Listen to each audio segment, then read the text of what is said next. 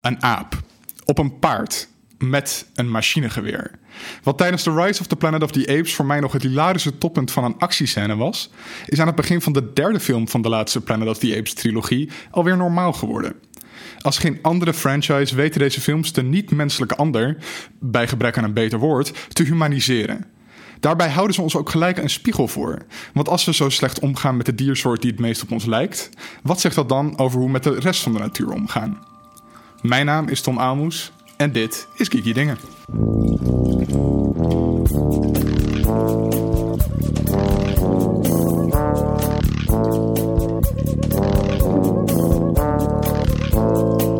Uh, mijn naam is Sidney Smeets. En als er een uh, oorlog om uh, de apen of de mensenplaneet zou uitbreken, dan zou ik denk ik aan de kant van de mensen staan. Want anders dan, is er geen toekomst meer voor mij. Mijn naam is Linda Duits. En als, er, uh, als ik zou moeten kiezen tussen de apen en de mensenkant van Planet of the Apes, kies ik sowieso de apenkant. Oeh. Oeh uh, ik ben Natasja Villiers. En als ik moet kiezen tussen de apen en de mensen. Ik vind het zo ingewikkeld. Want ik dacht dat er dus niemand voor de mensen ging kiezen. Omdat we allemaal hele zielige, lieve diertjes. Uh, mm-hmm. vriendjes zijn. dacht ik, oh ja, maar ik, ik denk net zoals Sydney, dat ik uiteindelijk wel voor de mensen zou gaan. Omdat ik, het liefst ga ik voor die apen, maar ik denk dat je toch voor je eigen soort kiest. Ik, ik, het is niet voor, bij mij trouwens niet omdat ik die apen zo lief vind, want oh. dat, is, dat zijn ze helemaal niet. Het is meer dat ik de mensen zo kut vind. Ja. dat nou. zijn ze ook. Maar dus ja. Nee, uh, mijn naam is dus Tom Aalmoes en uh, ik zou denk ik met zeg maar, de kennis van nu, dus dat ik niet weet dat de Planet of the Apes uiteindelijk het eindresultaat is van dat gevecht, zou ik denk ik met de apen mee willen gaan. Want inderdaad, mensen zijn best wel kut nu. Maar als ik zou weten dat dan later mensen soort van slaven worden van apen, dan zou ik daar toch wel over twijfelen. En maakt het dan uit, Tom, of jij tot die slaven gaat behoren of dat het gewoon een verhaal uit de toekomst is? Ja, ja, dat vind ik allemaal maar moeilijk. hmm, Oké. Je hoorde haar al even. Natasja Villiers is weer uh, te gast. Uh, voor de mensen die uh, niet voorgaande afleveringen geluisterd hebben. Sukkels zijn dat, sukkels. Stop nu met luisteren. Ga terug, Ga terug naar de oude. Luister vooral. nee. Nee, ik vond de Stephen King episode erg leuk. Dus luister die vooral terug, mensen. De rest ook hoor, maar die vond ik erg ja, interessant ook. en, uh, maar wat wilde je eigenlijk? Moest ik me nog een keer voorstellen, Tom? Ja, ja dat wilde ik inderdaad van je. ja, wie ben ik eigenlijk? Ja. Nou ja, ja, ik uh, kijk uh, veel series en films en praat daar graag over. Om het even heel kort te houden. Ja, nee, dan ben je hier aan het goede adres. Ja, dat doen jullie ook. ja, nee. ja, dat is uh, wel een hobby van ons, denk ik. Uh, mag ik dan gelijk bij jou beginnen uh, om te vragen uh, wat jij de afgelopen twee weken zo al gezien hebt, wat je interessant Oef. vond? ik, ik, ik luister niet altijd alles terug, dus ik weet ook niet stiekem altijd waar jullie het allemaal over hebben gehad. Maar de Invincible, Invisible Man vond ik erg goed. Hebben jullie het mm. daar al over gehad? Ik heb het de vorige keer genoemd, maar we zijn heel benieuwd oh. wat jij ervan vond. Nou, heel goed. Mhm. Heel goed. ik vond het, uh, zonder natuurlijk te spoilen, heel erg spannend. Ik vond de opbouw in die film... Ik ben, ik ben gewoon niet zo snel meer bang te krijgen, omdat ik mhm. gewoon te veel horror kijk en iets in die mhm. richting. En dit was gewoon vanaf moment één zat ik echt een soort van weet je wel, in je stoel en echt op het puntje. En helemaal, ja, gewoon, ik vond het erg goed. Maar dan uh, zal ik het daarbij uh, laten. Uh, of in ieder geval ga ik gewoon iets anders noemen. Hebben jullie de, de Hunt al gekeken? Nog nee. niet gekeken, staat wel op mijn lijstje. Ja, dat vond ik niet zoveel aan. Oké, dus die moeten we niet nou op ons lijstje ik, hebben. Ik weet het niet. Ik, misschien heb ik gewoon... Um, ik hou van een beetje nuance in de film. En alles. Het, het gaat over. het is satire en het gaat over links en rechts in Amerika. Politiek gezien. En ja, het, is, het ligt er zo dik bovenop. En ik snap dat het ook wel campy en grappig en en het is van een maker van Lost en The Leftovers. Dus hè, ik als grootste fan van Damon Lindelof zou dat misschien wel weer kunnen waarderen. Maar nee, het is... Ik, of, en Watchmen. Maar nee, dat, uh, dat, uh, het, nee, het was niet... Het was gewoon zo... Ja, zo dik en zo campy. En dat het me gewoon een beetje te veel werd. Dus dat, Wat jammer. eh, ja, Ja. maar misschien vinden jullie dat wel helemaal niet. En eh, denken jullie juist, oh, ik vind dat heel grappig. Of, eh, oh, wat een goede take eh, op, de, op Aan de Trump wand. en alles. ja. Maar eh, voor, het was niet eh, voor mij. eh, dus ik dacht, we, we doen niet altijd positieve dingen, zeg toch? Over eh, dingen die Nee hoor, dat hoeft helemaal niet. Dus eh, ja, en eh, What We Do in the Shadows is weer begonnen. Ja. Dus eh, dat, dat Oh, is leuk. Vampieren. En dan echt heel grappig. Dus dat moet iedereen kijken. Yes. Sydney, wat heb eh, jij gezien Ja, en gelezen nou, de laatste tijd? Eh, eh, ik heb er twee, maar ik begin even met het laatste wat Natasha zei. What We Do in the Shadows. Dat is inderdaad eh, een, nou ja, een, een film natuurlijk, maar ook een serie. Het eerste seizoen hebben we al eh, gehad. Het tweede seizoen is net begonnen, twee afleveringen. En eh, de reden waarom ik er nog heel even op terugkom is omdat in de film... ehm, komt, komen twee politieagenten voor die eh, het huis van de vampieren binnengaan en dan ja, eigenlijk niet doorhebben dat ze in een huis met vampieren zijn. Dat zijn een beetje rare politieagenten. En die politieagenten hebben ook een eigen televisieserie gekregen. Dat heet Wellington Paranormal. Heel grappig.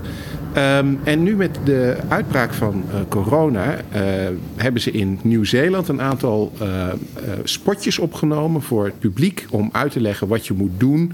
Dat je thuis moet blijven, dat je afstand van elkaar moet bewaren, et cetera. En daar hebben ze die twee agenten van Wellington Paranormal voor gebruikt. En die doen dat op een hele grappige manier. Je kunt die filmpjes gewoon op, op YouTube en op, op Twitter en zo terugvinden. En het werkt, want eh, de laatste statistiek die ik zag, eh, ging het in eh, Nieuw-Zeeland extreem goed met het beperken van het aantal infecties. Nou wonen daar ook niet zoveel mensen, dat is wel waar. Maar en het zit allemaal best wel afgelegen. ja, precies. Maar toch, maar toch. Het, het, lag, het lag aan What We Do in the Shadows, denk ik. Ehm, dan even naar wat ik eh, gekeken heb. Eh, twee dingen. Het eerste is eh, een shout-out eigenlijk naar eh, Schokkend Nieuws. Eh, Schokkend Nieuws, het tijdschrift kennen we allemaal. Eh, ik laat het nu even aan onze zoomers eh, zien.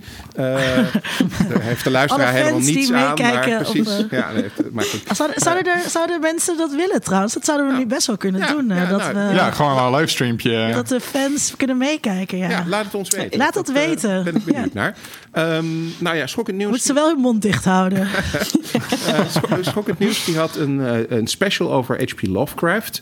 Eh, bekende schrijver. eh, eh, nou ja, daar hebben we het ook al eerder over gehad... toen we het eh, hebben gehad over de films van John Carpenter... want die heeft zich daar ook door laten inspireren. En ehm, een van de films die zij bespraken was, is gebaseerd op een eh, korte roman van hem... The Color Out of Space. Eh, die is al meerdere malen eh, verfilmd. De eerste keer onder de pakkende titel Die Monster Die.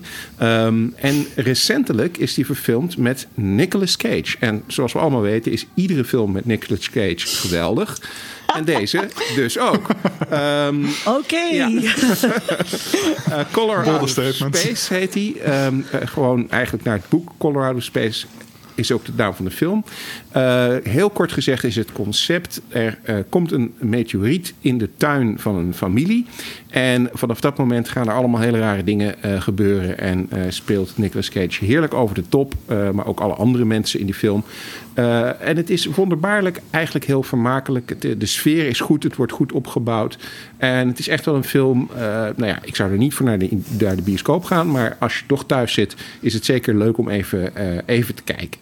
Ehm, het andere waar ik naar gekeken heb, is een serie die eh, gemaakt is door eh, Alex Garland. Dat is de schrijver van The Beach. Natasja weet het al, want die heeft er al Ja. over getweet. Ehm, eh, schrijver van The Beach, maar ook van 28 Days Later, Dread. En hij heeft Ex Machina gemaakt. Hè, de, de film over de robot, zeg maar. Ehm, en die serie die heet Devs. D-E-V-S. Het komt er in kort neer dat er een, een soort eh, eh, technologiebedrijf is op een, afgelegen locatie met allemaal dingen die er heel mooi, mooi uitzien. Een beetje qua, qua ontwerp wel, lijkt het wel een beetje op de sfeer eh, van eh, Tales from the Loop, vond ik. Ehm, in, in dat bedrijf is een dame, Lily, gespeeld door Sonoya Mizuno, die een relatie heeft met een Russische jongen. En die Russische jongen die krijgt een promotie binnen het bedrijf en die mag gaan werken op de afdeling devs. Dat is developments, de, de, de topafdeling waar alle nieuwste technologie ont, eh, ontwikkeld wordt.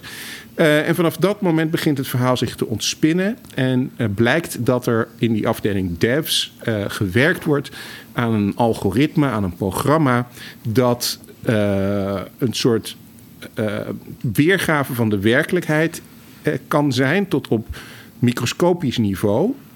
Eh, en omdat het een weergave van de werkelijkheid tot op het aller, allerkleinste niveau is, echt alle deeltjes van de werkelijkheid worden daarin weergegeven, eh, zou je daarmee de toekomst kunnen voorspellen. En ook terug Klinkt een beetje als het.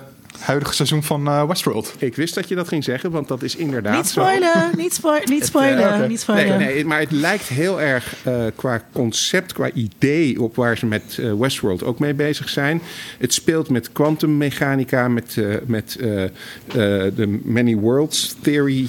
Sommige luisteraars weten wellicht wat dat is. Hè? Dus het idee dat als, een, als er iets eh, eh, gebeurt, als er een, een, een- afsplitsing eh, eh, zich voordoet in ons universum, dan eh, gebeuren alle dingen die er mogelijk zijn. eh, en dan splitst het universum op in een nieuw universum. En daardoor heb je meer, meerdere werelden waarin je, nou, om het kort te zeggen, in het ene universum ben je linksaf gegaan, in het andere universum ben je rechtsaf gegaan, maar ze bestaan allebei. Nou, daar speelt Sliders. ja, nou, daar speelt, eh, speelt dit concept eh, mee. En de, de man die achter dat bedrijf zit, eh, dat is Nicholas Offerman. En die wordt gespeeld door de acteur die ook... althans, de acteur is dus nog Nicholas Offerman. En dat is de acteur die je ook kent van Parks and Recreations. Die speelt daar die eh, Ron Oh, ja. Swanson van alle memes die er over hem gemaakt zijn. En die doet dat eh, heel leuk. Ik vond het een eh goede serie. Het is wel anders dan bijvoorbeeld Westworld en heel veel dingen die we nu gewend zijn. vrij lineair, vrij duidelijk waar het verhaal heen gaat. En er zitten geen hele rare twists in. Er zitten niet heel erg onverwachte dingen in. Het is vrij duidelijk van, nou, dit is het verhaal en daar komen we uit. Eh, maar ik vond het, vond het wel goed en, eh, en heel interessant om eh, te kijken. Maar ik weet dat Natasja het iets minder vond. Nou, het, ik, ik snap het idee en ik vind ik, het, het is allemaal interessant en leuk, maar het is wel heel traag. In mijn hoofd, zeg maar, had dat wat er. Volgens mij waren er tien afleveringen. Ja, hadden, er, hadden er zes kunnen zijn. Soms Hm. het duurt gewoon. Weet je, eh, ik zat op een gegeven moment naar een scène te kijken en er loopt ze even een stukje en die duurt twee minuten. En dan dacht ik echt: fucking hell, dit is.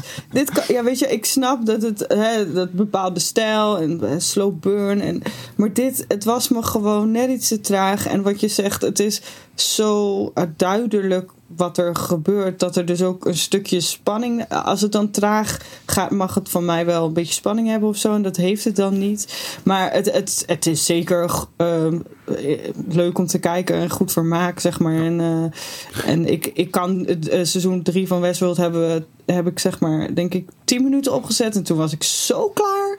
Dus misschien. Oké. Ja, dat, eh, ik, ik, en ik ben eh, daarin volgens mij niet de enige. Eh, Ik hoor daar wel wat meer geluiden in. Dat dat niet helemaal meer voor iedereen interessant Nou ja, het is. is- Maar, Het is met devs. ehm, eh, het, ik, ik merkte, omdat ik dus wel Westworld leuk vind en ook zit te kijken weer, eh, dat ik de hele tijd wel inderdaad zat te wachten op eh, allerlei twists en geheimzinnigheden en dingen die niet uitgelegd worden, of misschien dan later toch. Dat het zit er eigenlijk Ja. Het is gewoon een heel straightforward. Nee, en misschien zijn we ook. We zijn ook wel een beetje verwend, denk ik, gewoon Hmm. in televisie en film. Dat je altijd maar verrast wil worden. En Hmm. dat je denkt van, oh ja, oh, wat gaat er nu gebeuren? En dat je, terwijl, ja, het is ook een keer oké als je weet wat er gaat gebeuren. Maar Hmm. ja, dan niet eh, eh, tien uur, terwijl het ook zes uur kan zijn. zeg maar. Nou ja, oké. Maar goed, dat eh, al geldt voor mij. Nou, dat waren ze. Was dat hem? mij. Ja. Ja, oké. Linda, wat heb jij Ik gezien? ehm, eh, heb in een eh, totale ungeeky move mijn Disney Plus abonnement opgezegd. En eh. Videoland, twee maanden geleden gedaan. en Videoland genomen. En En eh, toen ben ik Mokra Mafia gaan kijken. Een beetje Hm. late to die party, want die, eh, het eerste seizoen is natuurlijk al in 2018. Ehm, en ik eh, vond het fantastisch. Ik vond het echt heel erg leuk. Ik vond het heel leuke Amsterdam porno. eh, Dat sowieso. Het gaat natuurlijk over de, de, de opkomst van criminaliteit in Amsterdam door Marokkaanse eh, drugscriminelen. Eh, ik heb het boek. eh, wat geen fictie is, van onder andere Marijn Schrijver ooit gelezen, wat ik heel informatief vond. Daar is het een beetje losjes op gebaseerd, maar dan is het eigenlijk een beetje Amerikaans gemaakt. Het is een beetje toch Amerikaans, maar ook heel Amsterdams. En dat vind ik er echt heel erg tof aan. Er zit heel veel humor in. Ik vind de acteurs fantastisch, vooral degene die Muis speelt hele jonge, eh, echt zo'n gastje, zeg maar. Zoals je ze gewoon overal in de stad ziet rijden. Eh, met hele authentieke jeugdpuisjes. Eh, eh, die, ehm, eh, waarbij je ook een beetje zit te kijken van... Hè, volgens mij klopt het chronologisch niet helemaal... met de grootte van, van de pukkels op zijn voorhoofd. Maar echt, die, hij speelt echt fantastisch. En... ehm, zorgt er ook voor dat je, dat je heel veel ehm, eh, toch ook mee gaat leven, zeg maar, met, eh, met die criminelen. Ehm, dus dat vond ik heel goed. Het enige jammere aan de serie eigenlijk vond ik Daan Schuurmans. Die speelt de journalist die hierbij betrokken is. En dat is echt zo typisch Nederlandse drama. Godverdomme, zegt hij dan de hele tijd. Ja. En we zien nog net zijn piemel niet in beeld. Maar hij heeft dan natuurlijk ook een alcoholprobleem. En zijn, en zijn vrouw is ziek. En ik vond dat dus... Dat, wel- dat vond Oh, ik wel een lui beetje- allemaal. Ja, Ja, en ook heel dit, onnodig. is dit eh, dan eh, wellicht de eerste Nederlandse serie die je goed vindt?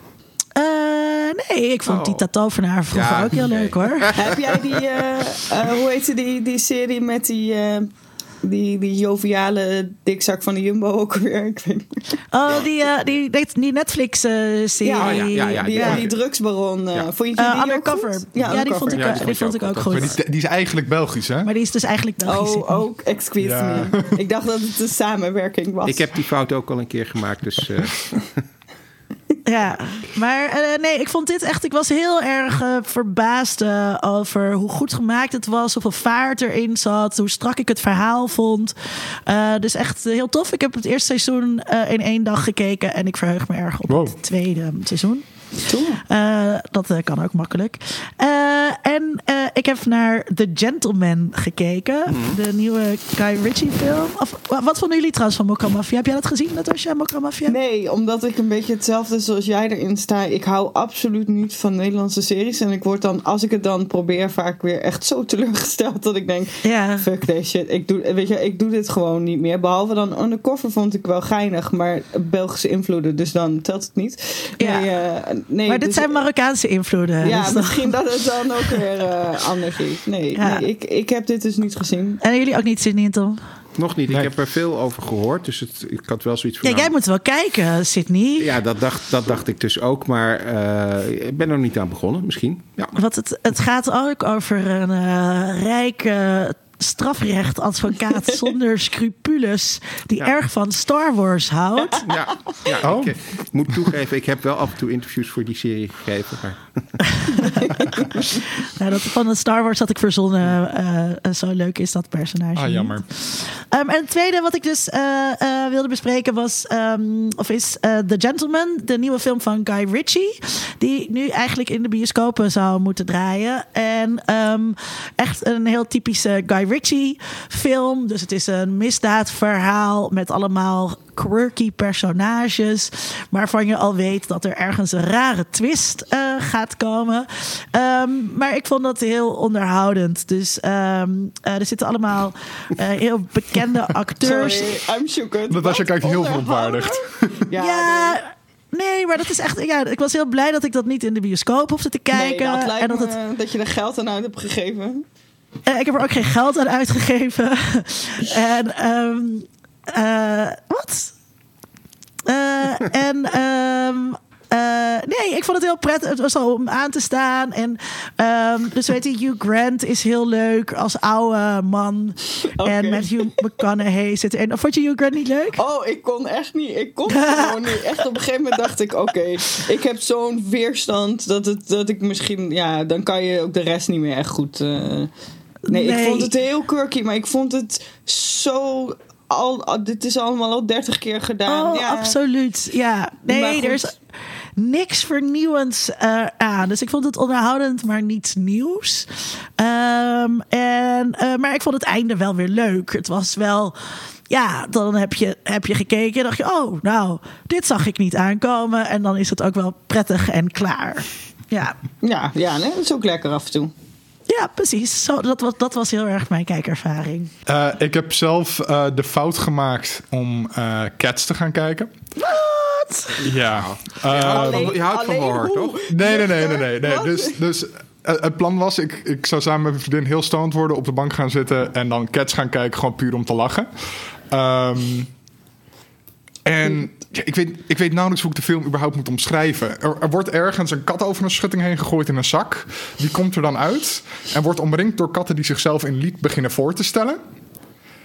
En dan gaat een van hen naar de hemel en is de film afgelopen. Zo gaat dit, dat. dit is de Spoiler much, thank you. Heeft de rest Ehm. dit wel gezien? Eh, Sydney, heb jij dit gezien? Eh, hij staat op mijn lijstje om te kijken, maar ik heb hem nog niet gezien. Ik eh, heb er zoveel Je wacht slechts tot je over er geen gehoord. geld aan. Je wacht tot het je er geen geld aan hoeft te. Ja, besteden. ja, ja, ja. Het is echt gewoon elke creatieve keuze in, die, die is gemaakt in de film is de verkeerde geweest. Eh, het is. Dus ze hebben ook. eh, dus iedereen ziet eruit als een kat, maar alle katten hebben mensengezichten. Ehm, en een soort van mensige lichamen. Maar die lichamen zien er niet goed uit. Want ze hebben ervoor gekozen om niet aan motion tracking te doen, maar de ehm, eh, effectartiesten alles met de hand over de film heen te laten maken. Waardoor er de hele tijd een soort disconnectie is tussen hoe de gezichten staan en hoe de schaduwen van de vacht. En het, het klopt de hele tijd net niet. Het, het is heel raar. En Ik begreep dat ze hem je, eerst ook. je snapt niet. Ik begreep dat ze hem eerst ook eh, Planet of the Cats wilden noemen, maar. Ja, ze hadden inderdaad wel wat lessen mogen hebben van de mensen die die films gemaakt hebben hoor. Het is echt. het is gewoon bizar. Het, het was aan het einde toch ook gewoon niet eens een soort van een leuke hate watch, omdat het gewoon alleen maar bizar en verwarrend is. Dat je de hele tijd denkt van mensen hebben besloten dit te gaan maken. En het is niet eens grappig. Het was dus zonde van je trip. Ja, het is een beetje. Een beetje. Waarschuwing. Uh, ja, waarschuwing. Zelfs stoned niet leuk. Ehm, ja, en daarnaast heb ik een film gekeken die wel heel leuk was. eh, Demolition Man. Dat is echt uit mijn geboortejaar, dus ik had dat Ja. nog nooit gekeken. En zo leuk, jongens. Wat de hel. Taco. Dat is echt een heel nieuw ding voor me. Ehm, echt gigantisch grappig. Ehm, het doet een beetje alsof het een soort satire is à la, I don't know, misschien een, een grappige versie van Brave New World of iets anders dystopisch. Ehm, maar uiteindelijk is het helemaal geen satire, echt. Het is gewoon heel erg grappig. Het is gewoon comedy. En Ehm, hoezo was je deze gaan kijken, Tom? Wat was eh, de aanleiding? een collega van me had gezegd: Oh, deze heb ik laatst gekeken en was heel leuk. En toen zei ik: Nou ja, ik ga wel even kijken. Ehm, en toen was ik echt helemaal verbaasd over hoe goed die was. Ehm, en ik ben helemaal geen fan van Sylvester Stallone of whatever. Maar ik wist niet dat hij zulke goede komische timing had en zo. Ehm, echt top. Volgens mij was dat toen ook wel een verrassing hoor. Kan Ja? ik me zo herinneren dat dat wel een, een, een gekke rol voor hem was, zeg maar. Dat we hem toen nog niet zo gezien hadden, toch? Eh, nou, het is, het is wel een rol die, die lijkt eh, op, op, eh, op andere rollen. In die zin dat het wel heel erg draait omdat Stallone Stallone is. Hè, er zit ook die Ja. scène in eh, dat hij ingevroren wordt, geloof ik toch? En dan zie je ook heel veel van zijn lichaam. Ja, Ik heb Sylvester Stallone's ballen gezien. Ja, ja. precies. Ja. Maar ik vind vooral Wesley Snipes echt Ja. amazing Ja. in die film. Ik bedoel, Wesley Snipes is eigenlijk best wel een hele leuke acteur. Maar in deze film is hij ook... Ja, ik hou wel van dat eh ethisch over de top. Ik heb hem toevallig dit jaar ook nog gezien. Dus eh, Ik heb Ja. gewoon iedereen in de film mag gewoon zijn karakter helemaal naar elf doen. En gewoon Ja. lekker gek doen. ja, dit is een goede manier heel van leuk. over de top inderdaad. Ja, ik had wel alleen dat blijkbaar ik een lokalisatie keek, een Europese lokalisatie. Want in de originele film gaan ze naar Taco Bell. En is Taco Bell de overwinnaar van de franchise-oorlogen. Maar de versie die ik gezien heb.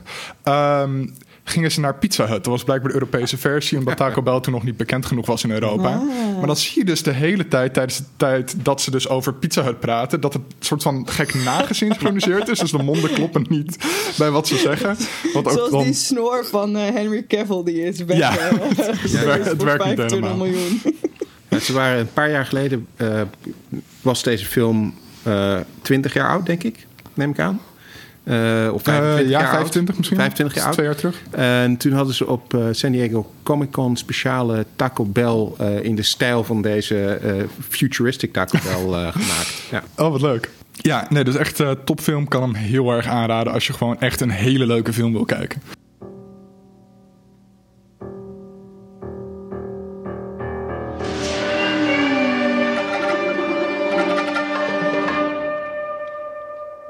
Ja, dan gaan we het nu hebben over Planet of the Apes. Uh, ik wilde gewoon beginnen bij de eerste film. Want ik denk niet dat heel veel mensen hier het boek hebben gelezen waarop die film gebaseerd is. Nou, daar had ik Eh, wel oh, even de tijd voor genomen, Tom. ja, dus als je even hebt, dan... eh, nee hoor, nee, natuurlijk niet. Ik wel, ik wel. Maar het is overigens aan te raden. Recent? Om het, eh, ja, ja, vanwege deze podcast dacht ik van nou, dat Oh. moet ik dat Oh, eh, oké. boek- Ja. boekje ook maar even lezen. Eh, En français, Sydney? En français? Oh, no, nee, nee, nee. In de, in de, in de, in de vertaling. eh, waar die oorspronkelijk overigens Planet of the Monkeys werd genoemd. Maar, ehm, Oh. ja, maar, maar nee, dat, dat boekje is, is best leuk. En dus, eh, het, het leuke ervan is voor mij nu vooral dat, om te zien hoeveel daarvan terugkomt in alle, alle filmbewerkingen. maar het is best, best oké. Eh, zeker de moeite waard. En je kunt hem zelfs, zag ik, eh, op eh, YouTube staat heel veel eh, tegenwoordig eh, wat in het publieke domein is. Hè, van, van eh, films, maar ook, eh, ook audioboeken. En ik zag deze als audioboek op YouTube staan. Dus als je geen zin hebt om hem zelf te lezen, kun je, kun je even de, het audioboek luisteren. Oh, nou, goede tip. Ehm, ja, de ik had hem ook nog nooit. ja, Ehm, ik had hem zelf nog nooit gezien. Ehm, en was verbaasd hoe goed hij was eigenlijk. Want Ja. ik dacht, oh, dat is een soort pulpy sci-fi. Maar misschien is dat ook mijn Heston idee van... Sci-fi films van de vroeger zijn niet zo goed. Ja, ja. Dat ik dan steeds erachter kom eh, dat ze toch wel zijn goed. Hadden jullie hem al eerder gezien? Ja. Ja, ik had hem zeker al eerder gezien. Eh, dit, dit, dit- ik vond het altijd al een hele, hele goede film. En, ehm, Sydney pakt ook even zijn twaalf pagina's aantekeningen. erbij. ja, ja. Hij is er klaar voor. Nee, nee, nee. En eh, ja, we hebben net dat eh, muziekje gehoord eh, aan, in de overgang eh, naar ons, eh, ons eh, item. Eh, muziek van Jerry Goldsmith vooral ook. eh, even nog los van de film. Eh, echt een briljante soundtrack die, hier, eh, die hierbij zit. Heel experimenteel, eh, maar ontzettend goed. Eh, ja, dus ik had hem zeker al wel eens eerder gezien. En de rest Ja. eh, ook toch, neem ik aan. Hoop ik. Nou, ik, Nee. weet het, ik weet het niet meer. allebei? ik, ehm, nee, wat zo lastig is bij deze film, is dat er zoveel in populaire cultuur aan gerefereerd wordt, dat je niet meer weet of je hem nou gezien hebt of niet. En ehm, dus ik was het aan het kijken en ik had ook wel diezelfde verbazing als die jij had, Tom.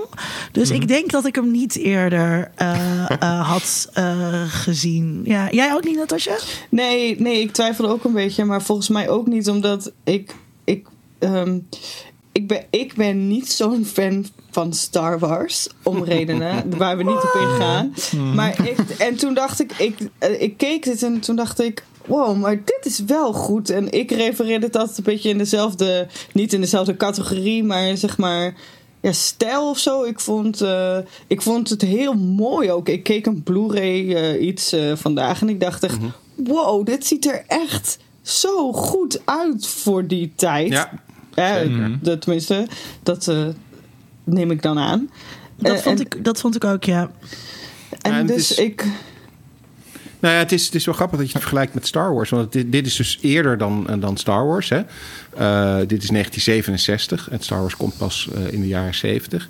En het is ook op een heleboel andere vlakken, nog los van de film, eh, een soort voorloper van wat Star Wars heeft eh, gedaan met populaire cultuur. Voordat eh, Planet of the Apes eh, er was, eh, waren er eigenlijk niet science fiction film franchises zoals deze geworden zijn en Star Wars natuurlijk daarna geworden is. Hetzelfde met merchandising. poppetjes, lunchboxes, alles wat je maar kunt bedenken werd er over die film gemaakt. En terwijl heel veel mensen Ha. altijd denken van ja, dat is Star Wars die met die, met die Oh. merchandising en zo begonnen is. Maar dat was ook Planet of the Apes. Ik vind het wel wat- wat- opvallend dat dat Planet of the Apes is geworden. Want ik vind het toch wel een soort van meer een tussen aanhalingstekens volwassen film eh, dan iets als Star Wars. Dus ik, ik kan, kan me niet voorstellen dat dat dan in die tijd tot heel veel merchandising eh, Ja, wie kocht en die dan? jonge fans heeft geleid. Wie kocht dan die lunchboxes? Nou ja, eh, eh, Ape Mania. Hè? Dus inderdaad, heel veel mensen die waren toch onder de indruk van, eh, van die film. En met name kinderen, jonge, jongens, neem ik aan. Echt? In die tijd. eh, ja, ja, ja. eh, je kon ook Ik vind dit eh, maskers. verre van een kinderfilm. Nee, dat klopt. Dat denk ik ook niet. Als je het, als je het verhaal echt eh, eh, gaat bekijken, eh, dan niet. Eh, maar ik denk vanwege de visuals, omdat, het, omdat die apen er zo goed uitzien. En even goed uitzien voor 1967. hè. Als we er nu naar Ja, ja, ja. kijken, Ja. zou je misschien zeggen van... Wow, maar hoe- ik vind overigens Nou, dat het ik- nog steeds goed uitziet. Maar ik kan ik me vond dat het dan destijds eh, eh, goed doorstaan hoor. Misschien wel beter dan, ehm, om even een knuppel in het onder, onderhoek te gooien. Misschien wel beter dan bij Rise of Planet of the Apes. Ja, nou ja, en, en wat, wat, wat het verder heeft, het is... Of tenminste, in de zin, beter in de zin dat het minder gedateerd is. Dat als ik nu naar Rise kijk, Ja, dan denk ik al, ah, ja, Kunnen we dat, beter, was ja. toen, dat was toen state of the art. Terwijl als je nu naar die, eh, naar, de, naar die oude kijkt, denk je, wauw, dat ziet Ja. er nog steeds al goed uit. Ja, ik vind het ook wel opvallend dat ze... ehm, ik bedoel, in, in The Planet of the Apes van 2001...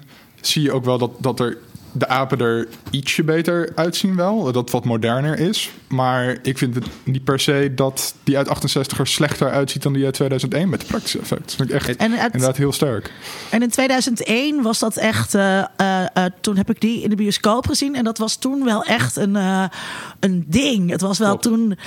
er was wel een hele rage omheen van. Wauw. En het is echt heel bijzonder hoe ze die apen er nu hebben laten uitzien. En je ziet bijna niet meer dat het Helena Bonham Carter eh, is. En eh, dat was toen wel echt. eh, eh, daar was wel. Hoe zeg je dat? Niet ophef, maar op een positieve manier. Reuring, Reuring over. Oké. Klopt. Het was, we gaan het denk ik straks nog hebben over 2001, maar het- dat, dat was... We gaan niet alles chronologisch bespreken, Nee, toch? nee, nee, maar die, die- Hoeft niet per se, de, nee, nee. de make-up, de, make make de special make-up. Laten we het nu even over de make-up en de, en de, en de special effects Ja, special make-up effects van, twe- van, eh, van, de, van de Burton film 2001. Eh, die waren echt state of the art. Dat is, dat is daarna ook nooit meer overtroffen. Omdat daarna, echt direct daarna, is men min of meer gestopt met dit soort effecten met make-up nog eh, te doen. Daarna werd het gewoon CGI. Dus dit was zeg maar het summum wat we qua make-up effecten hebben kunnen bereiken. En dat is ook eh, wat je verder van die 2001 film vindt. Je kunt niet, an- althans, dit is nou even een hele stellige eh, uitspraak, maar je kunt eigenlijk niet anders dan onder de indruk zijn van het feit van hoe goed dat eruit ziet eh, in die film. En- Was jij dat, Tom? Wat zei? Was jij, was jij dat onder de indruk van de make-up uit, eh, uit de Tim Burton? Ja, ik bedoel, het, het ziet er echt bizar goed uit. Ik vind ook eh, mooi hoe die opening sequence eigenlijk die, die, die hele close-up zoom doet over eh, dat, dat hele panzer en, en de vacht van, van Ja, ja, eh, ja. een van die apen. Waarmee ze ook echt wel eventjes willen laten zien van kijk eens even wat wij kunnen. Hmm. Ehm, en ik, ik snap ook wel dat je dat, dat, dat je dat een beetje wil flexen als je dat voor elkaar hebt gekregen. Het ziet er super goed uit. Al die panzers zijn ook super gedetailleerd. Ehm, en- wat ik ook wel heel erg mooi vond. En die, die, die make-up, dat was dus in, in 67 ook al echt een, een, een, een belangrijk ding. Dat was eigenlijk het ding waarop eh, ze bij Fox, de, de studio die het eh, uiteindelijk geproduceerd heeft, eh, waarvan ze hebben laten afhangen of ze het zouden doen. Of, of die make-up zou, zou, zou werken. Daar hebben ze een speciaal screentest ook voor gedaan om te kijken of dat op camera over zou komen als iets waarvan mensen zouden zeggen ja is cool. Of dat iedereen in de deuk zou liggen en zou zeggen van nou eh, laat maar.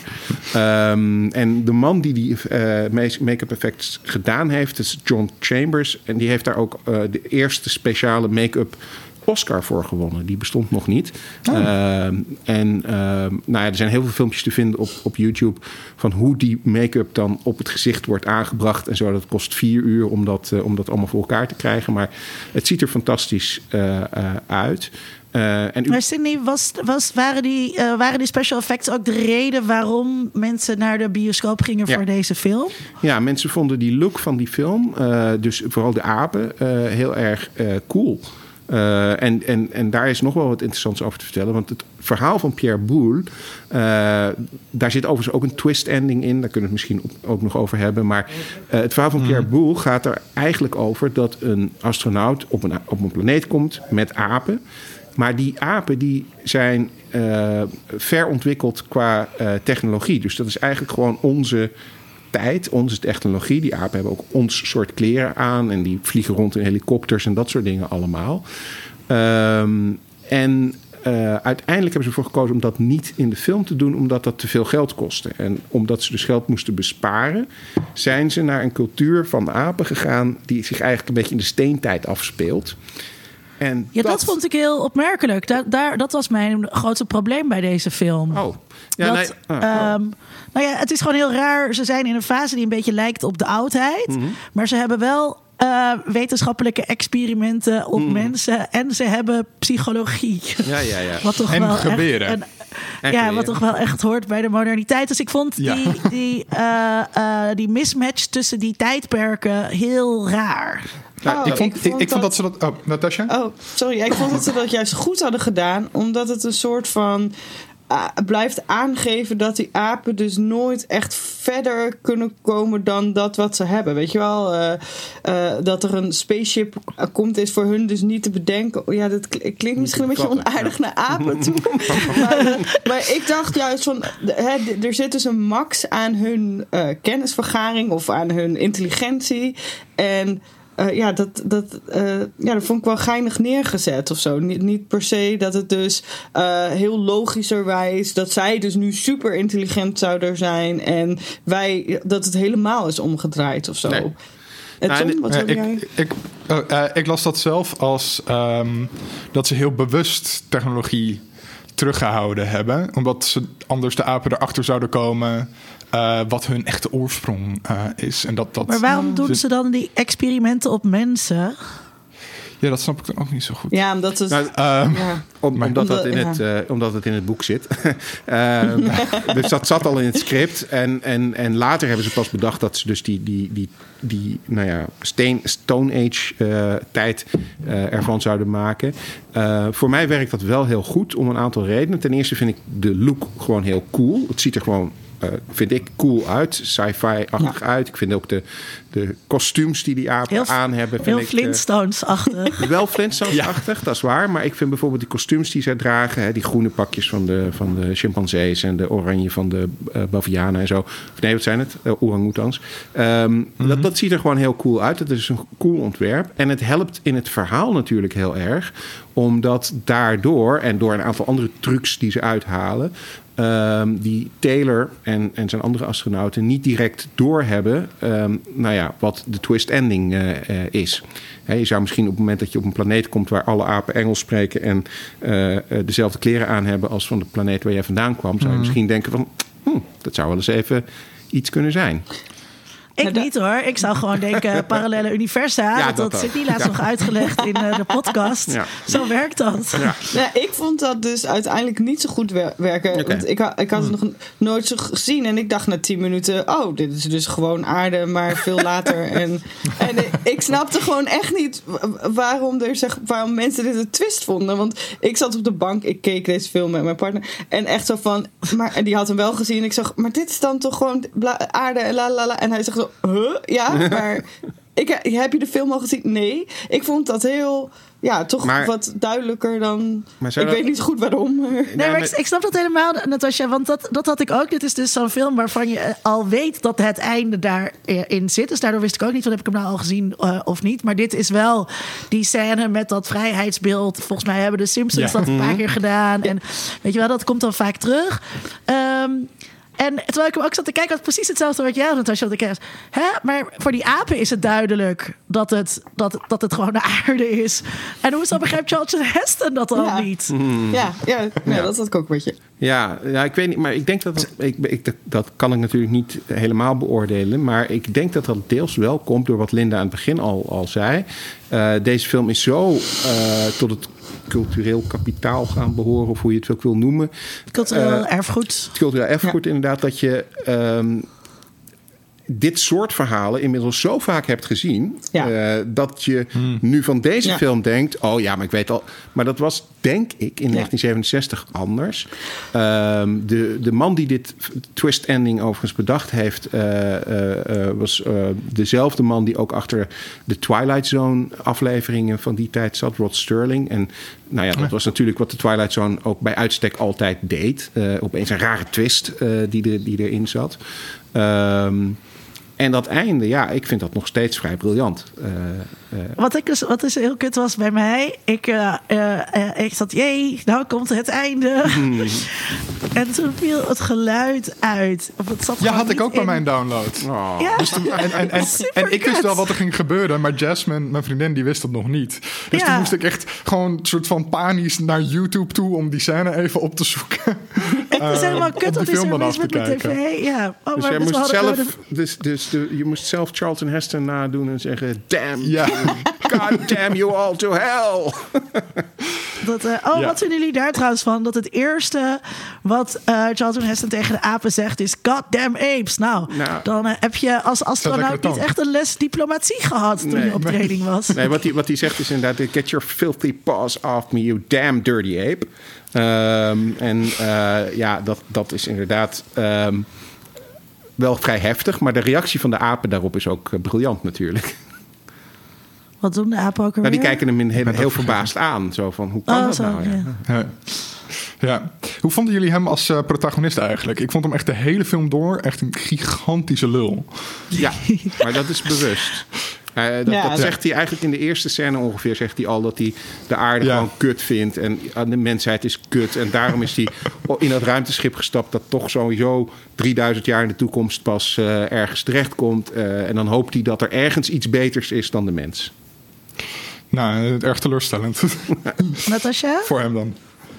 Ja, nee, het, ik, ehm, ik dacht ook dat het een beetje bedoeld was om, eh, om, eh, om de rollen om te draaien, de- eh, draaien. Weet je wel, zijn reacties zijn heel erg eh, oer. Dus heel erg eigenlijk zoals een aap zou re- reageren. Of in ieder geval, ja, niet met woorden, maar wel heel erg vanuit zo'n, eh, weet je wel, zo'n mannelijke eh, klop op de borst. eh achtige Echt een alfaman. ding. Ja, dus dat Ja. is wel, ja, dat is heel bewust gedaan. Maar dat, ja, het is niet sympathiek, nee.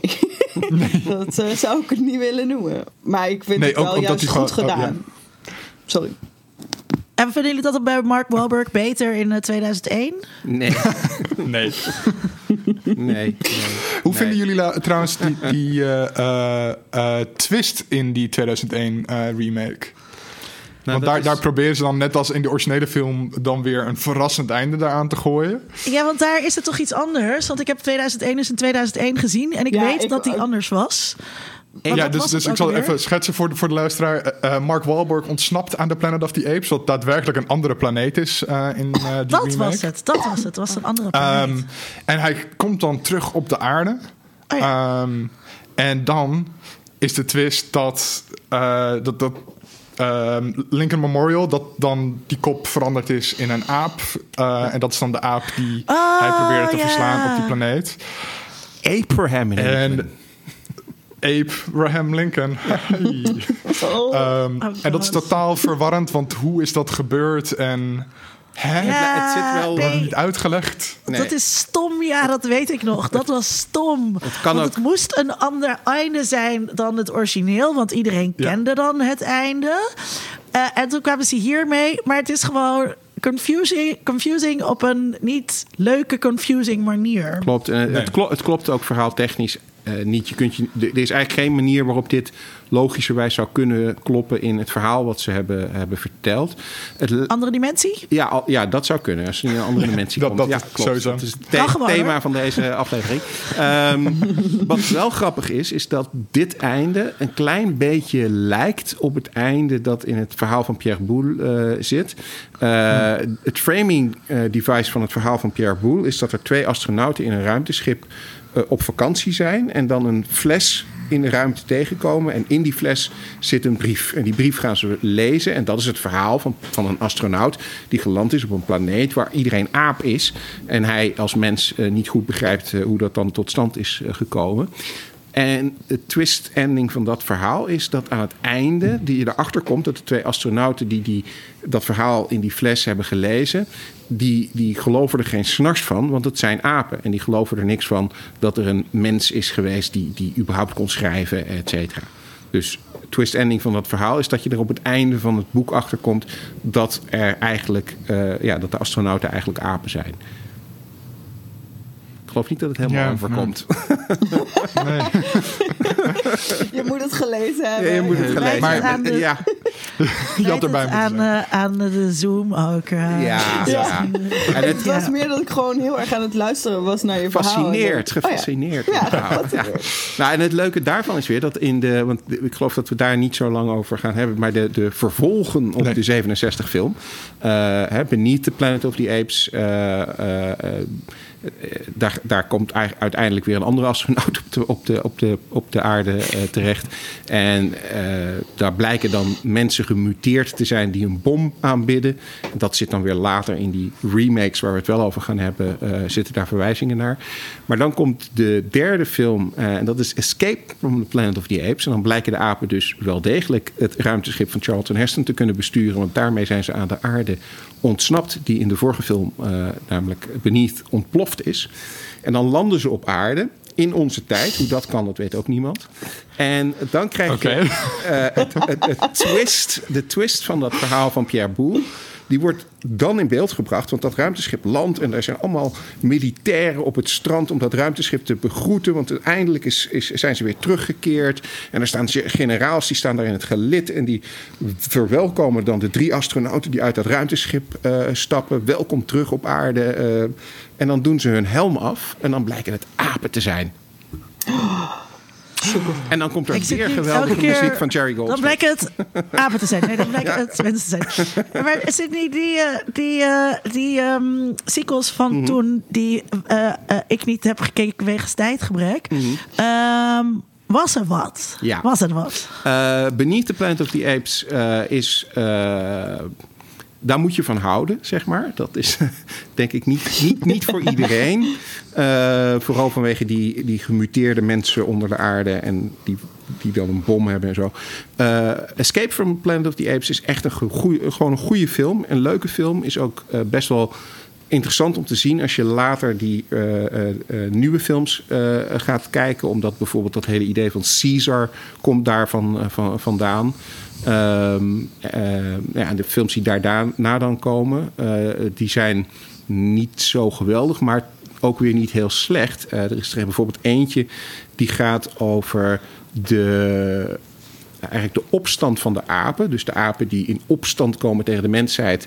En nou ja, de wereld, de, de planeet willen gaan veroveren. En eh, daar is een special edition van uitgebracht. En die is behoorlijk gewelddadig en, en cynisch. En dat is best wel, best wel cool. Oké. En wat is de verhouding precies tussen die oude sequels en de nieuwe sequels? Want daar zitten wel wat Ja. overeenkomsten in, toch? Ja, er zitten verhaaltechnisch eh, heel veel eh, overeenkomsten in. Ze hebben allerlei elementen uit die sequels genomen voor die nieuwe films. Maar ze hebben bij die nieuwe films wel eigenlijk het uitgangspunt genomen. Dit zijn, zijn prequels op de eerste film. En de latere films die hebben ze min of meer genegeerd. Want dat verhaal hè, van, van hoe de apenplaneet ontstaan is... eh, zoals je dat in de originele eh, filmserie eh, ziet... ja, dat, dat klopt helemaal niet overeen met wat je in die nieuwe films ziet. Maar ze hebben dus wel... Wat vonden jullie. Oh, Ja, sorry. Wat, wat ja. vonden jullie van. ehm, eh, ik ik ehm, zat eens even naar die timeline te kijken net. Maar die eerste film uit 1967, die is echt. eh, Dat is echt in het jaar. Hoeveel? Eh, Echt. eh, drie- 3000 nog eens. Ja. ja. En uh, die nieuwere films, dat is best wel een beetje nu. Ish. Ja, Uh, maar die, de, die nieuwe films, die, daar, dat, dat enige waar ik daar niet helemaal aan begreep was. Waar, hoeveel tijd daar nou tussen zeg maar 1 en 3 zit. Ik, Eh, de- ik ben dat zelfs gaan googlen. 12 Ik dacht, jaar. Ja, 12 jaar. ja. Ja, Nee, dus er niet zit in het 10 echt, jaar tussen in de, de- de, eerste, in de film. eerste en de tweede film. Ehm, en tussen de tweede en de derde film zit twee jaar, volgens mij. ja. maar, want Nee, niet in, ik bedoel in de film, hè? Ja, in de de film. film. Ja, oké. Ja. nee. Het- nee, het dat gaat- dacht ik ook zoiets, maar... het gaat dus best wel snel. Eh, aan het begin, zeg maar, met dat intelligent worden van de apen en leren praten Mhm. en op paarden rijden. En eh, weet je, en dan is het eigenlijk allemaal pas eh, eh, 2036, zeg maar. Wat Ja. gaan ze dan in die andere 1500 eeuwen wel of niet nog doen? Dat, ik vond dat Ja. dus. Nou ja, ehm, Aap zijn. Gewoon chillen.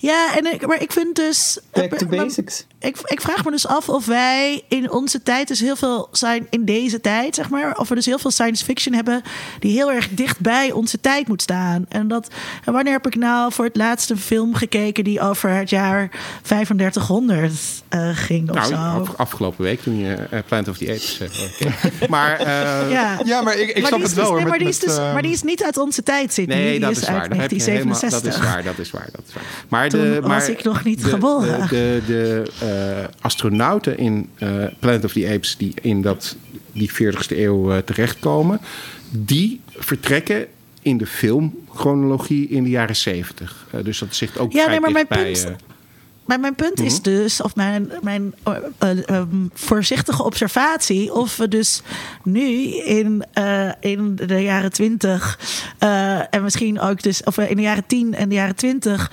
science fiction hebben die dus best wel dichtbij ons eh, staat. Dus het zijn apocalypsen die nu gebeuren, terwijl dus in de jaren zestig het veel verder in de toekomst veel verder in de toekomst werd gedacht. Ja, maar misschien komt dat uit een soort van technologisch optimisme dat in die tijd er meer was. Ehm, dus het is een beetje zo- zo'n brede cultuurfilosofische mijmering. Maar ehm, het, het, het, is, het is gewoon een beetje dat inderdaad de space race, technologische eh, dingen die allemaal nieuwe fantastische werelden mogelijk maakten.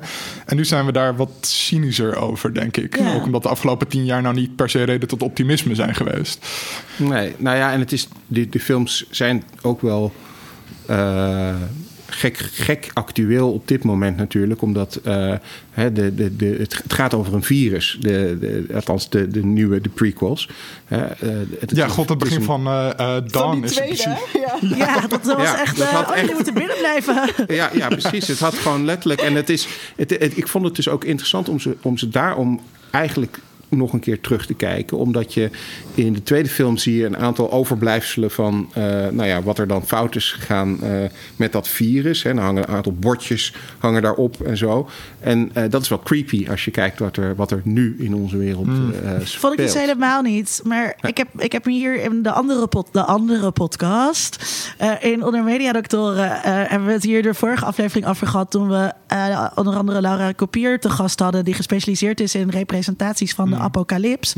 Eh, dit is toch niet de apocalyps die wij verwacht hadden op basis van films en series.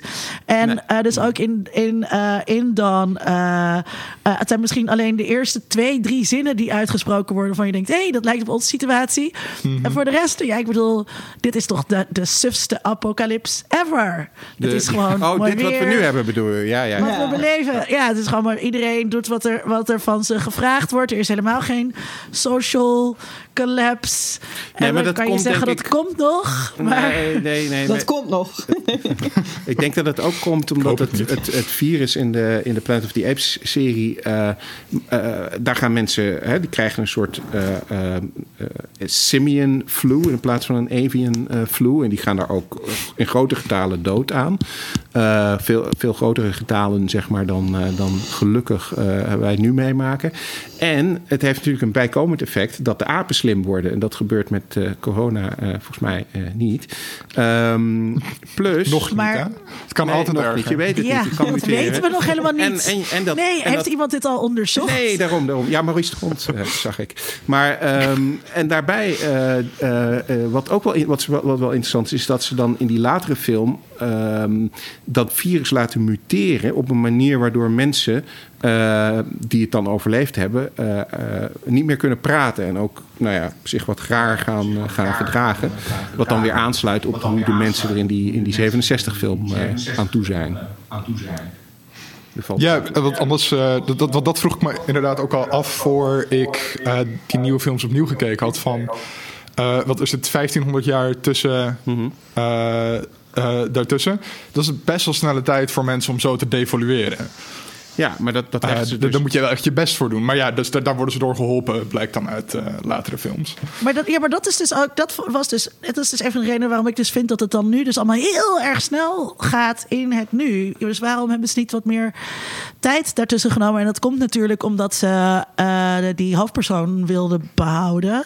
Maar ik vond het een beetje te rap gaan. Ik wou nog zeggen, Sydney, dat de verklaring kan natuurlijk ook zijn dat apocalypse gewoon, als de apocalypse ook komt, zoals we dus nu zien, dat dat gewoon niet zo heel filmisch is. Nee, Nee, dat, dat, eh, iets minder geweld en vulkanen die uit elkaar spatteren. Ja. Dat lijkt me iets realistischer dan. En er waren ook niet echt dolfijnen in Venetië.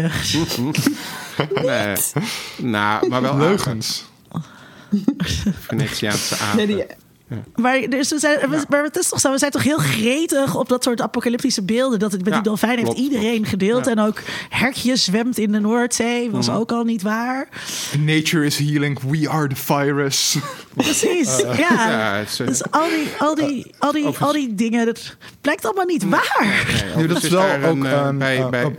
Nou ja, eh, daarover voor de luisteraar. eh, Sus- Susan Sontag die heeft er natuurlijk mooie dingen over geschreven. Hè? Over hoe ziektes... heeft overal mooie eh, dingen over geschreven. Ja, ja, maar ook over hoe ziektes in, eh, in onze taal eh, ja, als metafoor kunnen worden, worden gebruikt. Eh, eh, inderdaad, wij zijn het virus en het gevecht te- en de- de frontlinies en dat soort Hmm. dingen allemaal.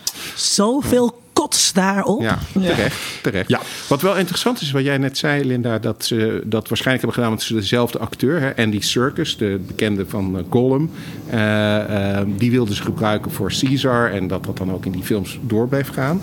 Ehm, in de eerste, eh, of die eerdere verfilmingen, dus de, de, de 67 en wat daarna volgde, eh, was er steeds één acteur die de hoofdaap eh, speelde, Roddy McDowell. Ehm, en wat ze daar dus gedaan hebben, is hem gewoon eh, als acteur en ook dezelfde make-up. eh, andere apen laten spelen.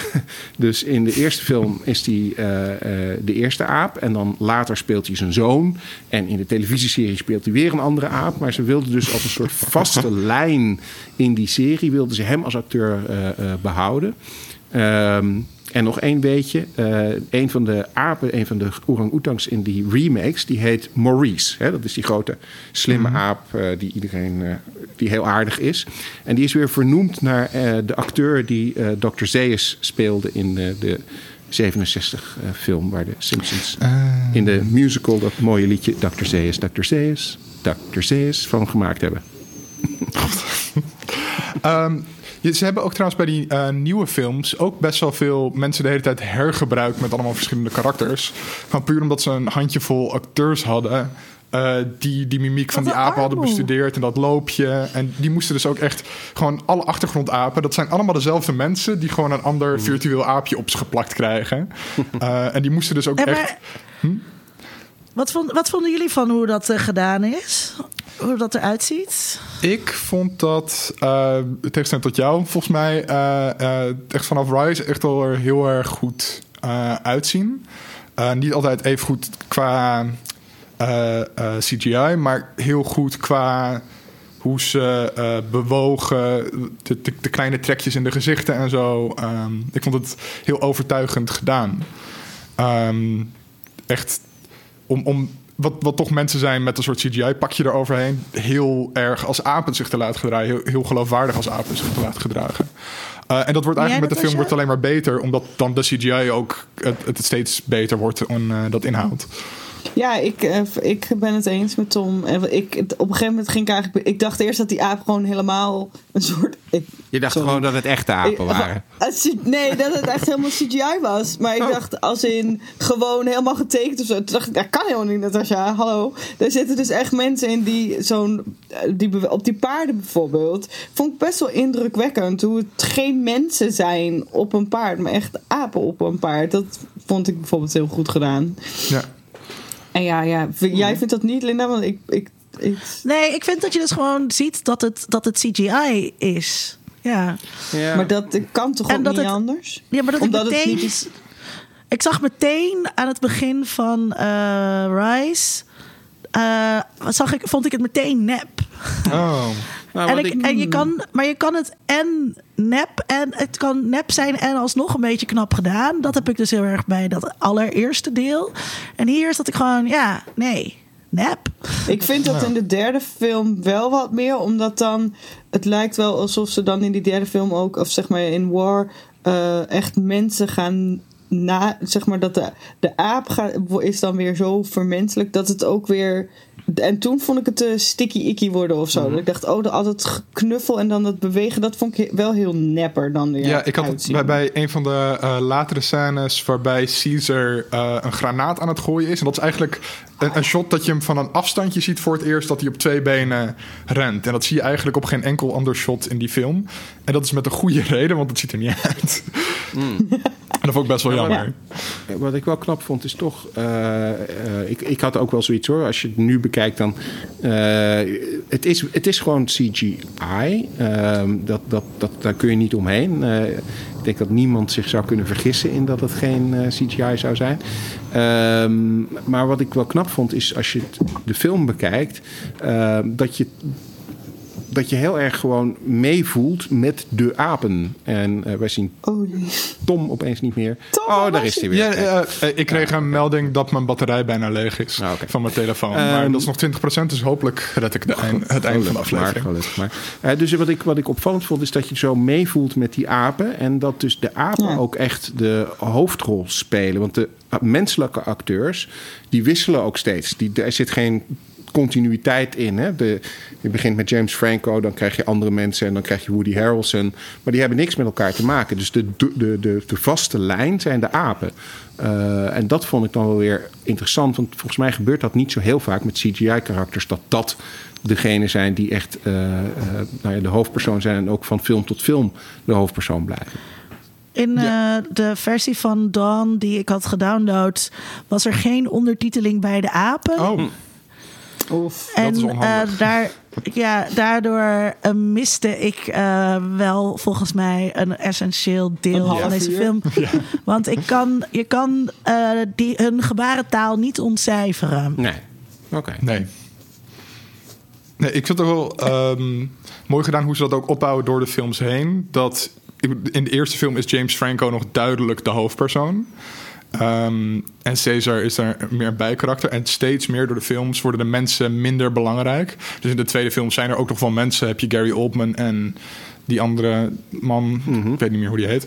ehm, die ook nog wel onderdeel van het plot. En dan, dan zijn ze een beetje 50-50 verdeeld. En bij de laatste film is Woody Harrelson echt alleen nog maar een vijand. En zijn er geen eh, menselijke Ja, karakters dat kleine meer. meisje. De kleine meisje. Oh, ja, die zo- Nova, vernoemd naar Ja. Nova, ja. Nova. Oh, kunnen we het even hebben ook nog over die oude film eh, en Nova? Ja. En hoe creepy en naar dat is.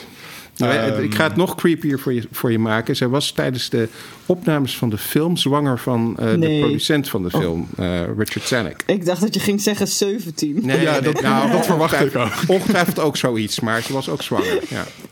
Maar dat was er niet aan af te zien hoor, dat ze zwanger Nee, was. daar hebben ze heel veel moeite voor moeten doen. Lekker wijf, man. My Female. Maar dat, Oh. maar dat was toch ook dat, dat is toch ook expres gedaan, neem ik aan. Niet per ongeluk van. eh, eh, ik eh, ben heel onaardig tegen vrouwen, maar meer van: dit is mijn character. hè. ik ben heel oer en. Ja, maar ze werd tegelijkertijd vrouw ook wel, wel heel erg neergezet als eye candy natuurlijk. Ik bedoel, alle Oh, mensen ja, zaten dat- echt onder de modder en met grote bossen haar. En zij zit er met de perfect gestelde haartjes en een bikinietje. Right? Ik, eh, ik moest erg eh, om de een of andere reden denken aan eh, Barbarella. eh, eh, een van mijn lievelingsfilms. eh, waar zij ook gewoon alleen maar eye candy is. Nou, ze doet in die film ook nog wel een aantal dingen. Maar de manier waarop zij daar, waarop de camera eigenlijk naar haar kijkt, is zo klassiek seksistisch. Eh, ja, dat ik kan daar wel van genieten, zeg maar. en dat, en dat, is, dat vond ik bij Planet of the Apes ook. Ja, ik bedoel, dit is wel een voorbeeld. Van het ultieme voorbeeld van de male gaze. Ja, ja. Eh, en en eh, vrij van ironie ook nog. Weet je wel, wij zitten natuurlijk, wij, wij sinds de jaren negentig is dat denk ik ongeveer. Waarin als er dan zulke soort hyperseksistische of hypergeseksualiseerde representaties zijn, het altijd met een soort knipoog is. Weet je wel, van nee, maar we doen het overdreven. We zijn ons ervan bewust of zo. Dus dan mag is het goed. wel. Ja, precies. Dan moet je erom lachen, dan is het een grapje. En hier is dat gewoon, ontbreekt dat gewoon. En dat, ik vind dat dus wel lekker verfrissend. Zo, zo, zo Ze doen in was ieder niet toen. als En ze is- of. Ja, en ze is, en ze, en weet je wel, ik bedoel, ze praat ook niet. Dat is toch, Ideale Is- vrouw dus. ja, dat is de ide- ideale vrouw. En, en ik vind ook vooral hoe hij met haar omgaat. Ja, ik bedoel, hij, hij riskeert best wel veel dat zij de hele tijd mee moet. Als zijn soort verovering ook, waar hij niks voor heeft gedaan. Want ze is gewoon bij hem in de cel geworpen. Klopt, klopt. Dat zit overigens Dat, ook, eh, eh, ook in het verhaal van... Dat komt wel uit het verhaal van, eh, van Boel. eh, waarbij het idee daarachter is dat zij eh, door dokter Zira uitgekozen is... eh, om met hem samen eh, kinderen te gaan maken. En het, eh, nou, wat ik al zei, ze was zwanger tijdens de opnames van de film. En op enig moment hebben ze gedacht om dat misschien niet te verbergen, maar te laten zien. En dan zou het idee worden in de volgende film dat ze een, een kind zouden krijgen dat dan eh, ja, ja, het verhaal verder zou kunnen, kunnen voeren. Maar dat hebben ze niet gedaan. Het was wel logischer geweest, want dan had dat, was dat een duidelijkere motivatie geweest voor het personage van Charlton Heston. om inderdaad zo beschermend te zijn ten aanzien van haar en de Ja, vrucht nu in haar behandelt schoot. hij haar alleen als zijn bezit dat hij mee wil nemen Ja, de hele tijd. Ja. Ja, ze hebben Wat vond jij daarvan, van die genderrepresentatie, Tom? Ehm, ik vond het eh, erg ongemakkelijk. ja, het, het- het- ik bedoel, ik, ik, ik ben dus gewend dat het dan van die ironische dingen is. Dus dat het nog wel met een knipoogje is. En dan kan ik mijn ogen rollen van god gaan ze weer. En nu, dit is gewoon... Maar ondertussen wel, mm, lekker. ja, Ja, Seven dat of valt mee. nine. Maar ehm, nee, het is echt... Ja, ik vond het, het stuitte mij, mij wel tegen de borst. En ik vond het ook wel de film slechter maken dan ik hem anders had gevonden. Echt? niet dat ik hem niet meer goed vond daardoor. Maar ik zat wel eens van, jongens, kom op nou. Ehm, Oh, dat had ik echt helemaal niet. ja. Goed Ik vond wel- Nee, goed maar zo, ja. terwijl wij als vrouwen misschien hier dan boos over zouden moeten zijn, vind ik dat echt grappig. Dat, volgens mij is dat echt, wat Linda ook zegt, een beetje ge- generatieding dan of zo. Dat je denkt, oh, ik ben zo blij dat het nu niet, niet hoe, dat al dat correctige, weet je wel. Ja, dat klinkt onaardig. Ik zie het ook liever anders, Ja, ja. laten we het zo zeggen. Maar soms is het wel gewoon fijn dat er geen laagjes overheen. Dat zitten inderdaad. Maar gewoon oprecht bam in your face. Ja. Ja. precies. En ook, ja... Nee, ik had daar... Ik, ja, goed, ik had geen Ook mee. nog een ander eh, eh, creepy ding wat ze op een gegeven moment bedacht hebben eh, voor, het, voor de sequel. Nou, ze waren er dus al van afgestapt dat dat dan een kind van Nova zou zijn. Ehm, maar toen hadden ze wel bedacht dat er een soort ehm, half mens, half aap kind zou komen. En daar hebben ze zelfs eh, ook screen Oh. tests voor gedaan van een eh, jongetje die als, eh, als half aap, half men- mens geschminkt eh, was. Maar dat is natuurlijk ook een heel creepy idee eh, dat eh, Charlton Heston of welke ander eh, mens dan ook met, met een van de apen samen een kind eh, zou, zou maken. Of vinden Daarom we is dat? dat een creepy idee. Nou ja, ja. Bestialiteit wellicht. maar het zijn gewoon allemaal bewuste mensen die consent kunnen geven. Dus, ja, dat is eh, waar. dat Ja. waar. Ja, moet gewoon kunnen. Dat ik bedoel, he- Mark Wahlberg en? Helena Bonham Carter zitten ook de hele tijd op elkaar te geilen in die film van ja, Tim zeker. Nou, dat vond ik, maar dat vond ik dus ook heel creepy.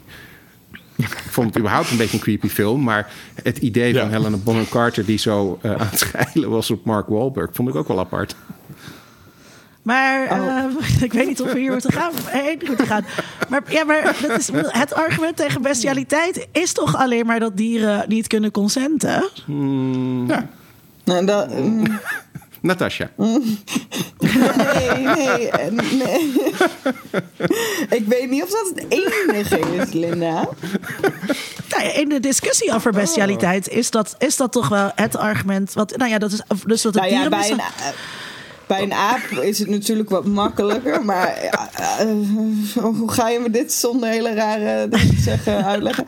Maar met een eh, dolfijn of zo wordt het alweer wat ingewikkelder. Ook al zou die consent kunnen is wel een beetje Ja, de dat wordt- twist dat- in dat onze aflevering. dit. Ja. lastiger. maar eh, ja, of nee, ja, dus consent is een ding. En eh, dierenmishandeling wordt altijd vaak eh, naar voren gebracht. Nou, dierenmishandeling zit, zit Eh. natuurlijk wel heel erg ook in die films als thema. Om maar even weer iets anders aan te Wauw, Sydney. Twisted. Goed zo, goed zo. Sydney trekt het Want, even terug naar het realm van het betamelijke. Want dat is natuurlijk wel een ding wat je... Wat je eh, Laten we praten over een makkelijker onderwerp. Dierenmishandeling. Want dat is helemaal niet erg. Diertjes opsluiten in kooien. nou ja, dat, dat, Experimenten op ze doen. Nou, ik denk dat het, dat het wel duidelijk is dat de films, zelfs al die van 67, eh, in ieder geval de boodschap hebben van: goh, eh, misschien moet je toch niet zo omgaan met dieren als. eh, nou, ik denk zeker in 67 dat nog vrij gebruikelijk eh, was om dat te doen.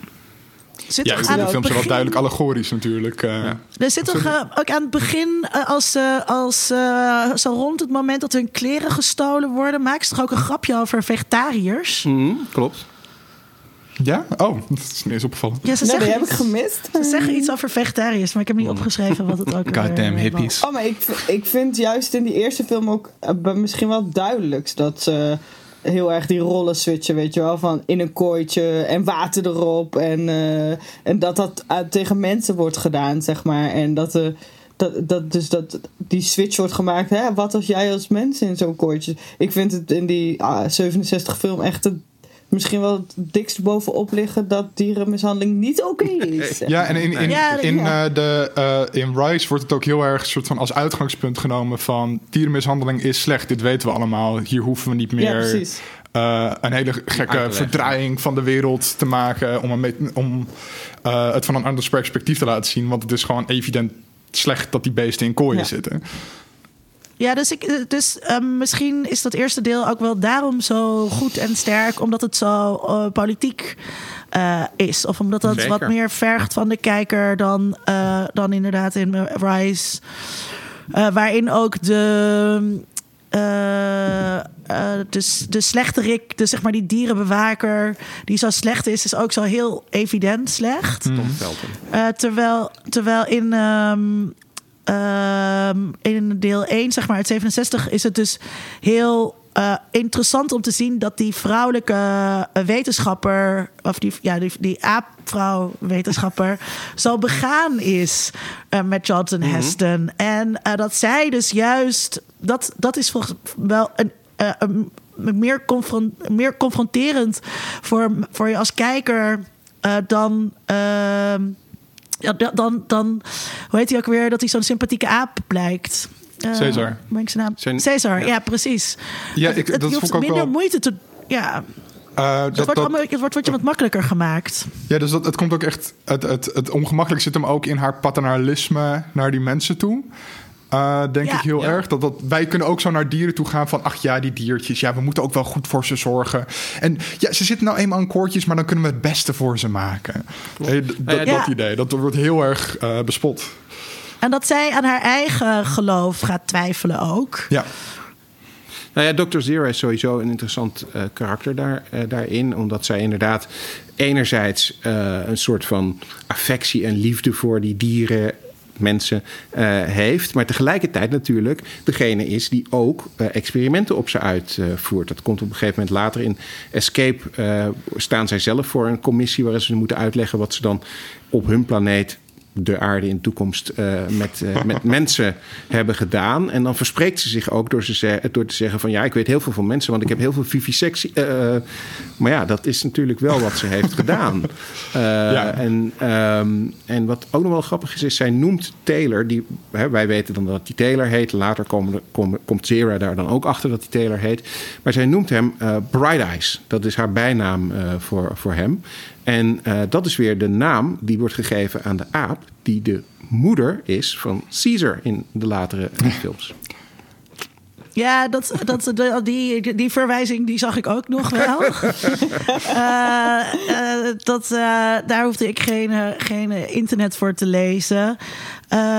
Ja, voor mij hoeven dat soort dingen dus, Nee, dus nooit, nooit zo.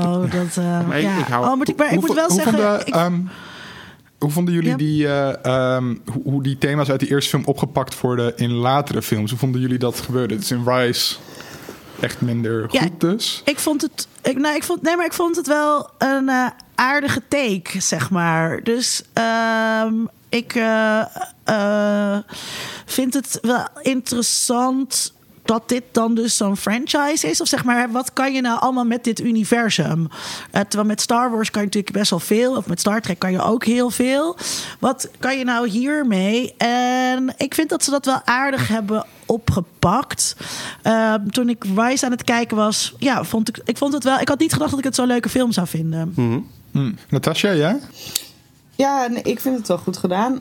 Ehm, ik, er zit alleen niet zoveel rek meer in, denk ik nu. Maar, eh, Nu niet maar ja, meer, dat ja. Is, dat, dat is met Star Wars misschien ook niet meer. Maar, eh, nee, grapje. Is Eh, wel. Nee, ik vind, ja, het blijft gewoon heel erg voor, voor mij een soort van, hè, eh, apen doen dit gedrag, mensen doen dit gedrag. Eh, en we zijn allemaal een beetje slecht en we zijn allemaal, hebben we goede kanten en we lijken ook wel een beetje op elkaar. Het, ja, ja, ja dat, is, dat, is, dat is gewoon aardig gedaan. maar dat is toch ik. vooral. Zonder sentimenteel te worden en zonder heel erg te bovenop. te- Nou ja, misschien het eind een beetje, maar ja, dat eh, Maar is dat vind dus ik best niet. knap gedaan. Is, want ik heb dan dus niet, nog niet afgekeken. Maar is dat niet een beetje. Eh, ligt het er daar niet een beetje dik bovenop van eh, dat, dat Caesar erachter komt, ook apen kunnen, of dat apen erachter komen dat ook apen slecht zijn? Ja, nou ja, dat een, een beetje wel, maar ik vind dat, ik vind dat daar nog oké. Ik vind dat in, in War al ja, een beetje kapot geslagen, zeg maar, al Ja. niet veel. Ja. Maar in het, het- ja, die tweede vind ik dus nog wel, dan vind ik nog wel, ja, mooi of zo. Nog, ja, hoe zeg je dat? Gewoon een beetje subtiel gedaan in plaats Ja. van alleen maar. Voor- vooral ook omdat die, die slechte aap, kom- ik ben nu even zijn naam kwijt, maar die... Koba. eh, precies. Ja, cool. Koba heeft ook echt wel. eh, ja, natuurlijk is hij slecht, maar hij heeft wel een aantal eigenlijk best wel begrijpelijke redenen waarom die mensen echt haat. Hè, er zijn hem nogal wat dingen Zegt de strafrechtadvocaat. Nou ja, je, je- hij, hij laat het natuurlijk. eh, eh, er zit op een gegeven moment een scène in waarin hij dan op zijn littekens en zo wijst. En dan zegt hij: mensen hebben dit gedaan, mensen hebben dat gedaan. En, en dat is dat natuurlijk. begreep ik. Dat werd niet Ja. ondertiteld, maar dat stukje begreep ik. Ja. Ja, ja, ja. Nou, wat ik ook wel goed gedaan vind in die film is dat hij heeft eigenlijk een soort van menselijke counterpart, maar niet helemaal die, die man met, die, ja, met het geweer en die sigaret in die Ja. auto, zeg maar. Die, die, die, die maakt keuzes waardoor de apen weer Ja. hè, eh, eh, zwaarder tegen hem gaan. En hij is zeg maar een beetje die aap-tegenhanger die keuzes maakt waardoor de mensen weer... eh, Ja, dat, ik vond dat wel geinig Wat- wat- gedaan. ja. dat, en ik snap dat het dan, oh ja, weet je wel, slecht. Deze zijn, dit zijn de slechte, een beetje dik bovenop ligt, maar toch, Ik, Ja. ja. de structuur. Ik, wat ik heel goed vond aan, eh, aan, ja, precies. Ja, wat, wat ik heel goed vond aan Dawn is dus inderdaad dat, dat je dus de hele tijd ziet van... Ik bedoel, ja, het ligt er dicht bovenop. Ja, mensen en apen zijn hetzelfde. Er is niet zo'n groot verschil. En we moeten elkaar misschien wat dichter bij elkaar komen. Maar dat je ziet dat dat dichter bij elkaar komen de hele tijd bemoeilijkt wordt. Ondanks de beste intenties van mensen in allebei de kampen. eh, dat dat gewoon kan mislukken uiteindelijk. En dat het tot heel diep trauma en haat en, en dat soort dingen leidt. Waardoor uiteindelijk eh, eh, vrede onmogelijk blijft tussen de groepen. Dat Caesar ook, so- En- sorry voor deze spoiler Linda, aan het einde ook zegt van... Sorry, ik kan deze oorlog nu niet meer stoppen, want hij is er nu gewoon. Ehm en nu is het voor overleven. Ik had een beetje spoilers gelezen, Mhm. eh, wel. Eh, dus dat is, dat is, dat is eh, niet erg. Je had aan het begin van de aflevering trouwens moeten zeggen dat het een spoiler-aflevering was. Oh ja, ik bedoel, de films zijn drie jaar uit nu. eh. Je, gaat je gaat over zes films praten Ja, zonder precies. spoilers. Ehm, maar eh, dat is dus wel de reden waarom ik eh, voor de apen heb gekozen aan het begin ook. Is dat, ehm, ja, wij zijn begonnen. Weet je wel? En uh, actie, reactie. En dan kan de reactie nog heel verkeerd zijn. Of daar kunnen ook slechte tussen zitten of wat dan ook. Maar wij hadden beter moeten weten. En, dat, en al die dingen gewoon niet moeten doen. En continu maakt de mens uh, dit soort fouten. Uh, waarbij, waarvoor je dus die apen voor, niet vervolgens niet verantwoordelijk kunt houden voor hun, uh, voor hun reactie daarop. Want zij hebben zich pas later ontwikkeld dan wij. En ook nog helemaal in reactie op ons. Hmm. Ja. Hmm. ja, maar de, in die, in, in, wat dat zit dan wel weer in, in, die, in die 67 uh, film. Daar zijn de apen natuurlijk veel meer. Uh, daar zitten gewoon slechte apen in, die gewoon slecht zijn. En uh, ook bijvoorbeeld Dr. Zeus, die, uh, ja, die gewoon wel weet dat er uh, ooit intelligente mensen op aarde zijn geweest, maar die dat heel bewust wil ver verdoezelen, omdat anders het geloof er aan onder, aan onder doorgaat. Um, en in deze prequels, um, ja, behalve inderdaad Koba, heb je niet echt slechte apen. Nou, je, wel, in War heb je ook uh, nog de voormalige aanhangers van uh, ja, de, de NS, uh, ja, maar die hebben wel de... Ja, ja de NSB-apen. ja, maar dat, is, dat zijn meer apen die reactie hebben gehad op het feit dat ze... Zeg, dat is niet... Die zijn met een hè, trauma of zo slecht geworden. En als jij 2000 jaar verder bent, heb je die trauma's niet gehad. Ben je nee. dat zelfs al vergeten. En dan... Of die, dat, dat bestaat helemaal niet meer. Mm -hmm. die, en, da, en dat is volgens mij echt zo van... Zie je, er zijn altijd slechte mensen, apen, dingen. Want de mens-aap is nou eenmaal altijd ook slecht. Ja. Ik vond het wel moeilijk te verkroppen dat Caesar zo de leider werd. Want hij hm. wordt heel erg uh, in Rice neergezet als een extreem, in, ook, al, ook al in zijn soort, zeg maar, extreem intelligent. Misschien identificeerde ik me daarom ook wel zo met hem. Uh, uh, grapje, grapje, luisteraar. Nee, was geen grapje. Maar, ehm, maar, maar, maar, ja, dat wetende, zeg maar, de slimme mensen zijn niet degene die de baas zijn in mensenland. Nee. Hallo Donald Trump. uh, en er zijn ook, zijn ook vaak niet de alfa's op de apenrots. En uh, ik, ik heb gewoon niet zo goed. Ik vond dat dus een lastige ontwikkeling van Caesar. Uh, van uh, de, de slimme aap met een broek aan en uh, een trui. Die, maar dat wordt die... toch ook heel snel in die tweede film ook teniet gedaan, zeg maar, dat hij de leider is. Want je krijgt toch. Hij is zo ver voor de anderen uit in het begin. Maar als dat dus, dus een beetje levelt, dan krijg je dus direct ook de harde schreeuwers juist ja, maar, die bovenaan. Maar uh, in de filmwereld zit daar tien jaar tijd tussen. Dus is hij toch wel tien jaar lang ja, okay, dat, is uh, dat mannetje geweest. En dat, dat, vond ik, dat vond ik lastig te verkroppen. Wat zijn jullie oh. ideeën? Hmm. um, ik... Oh, zit niet? Nee, ga je gang.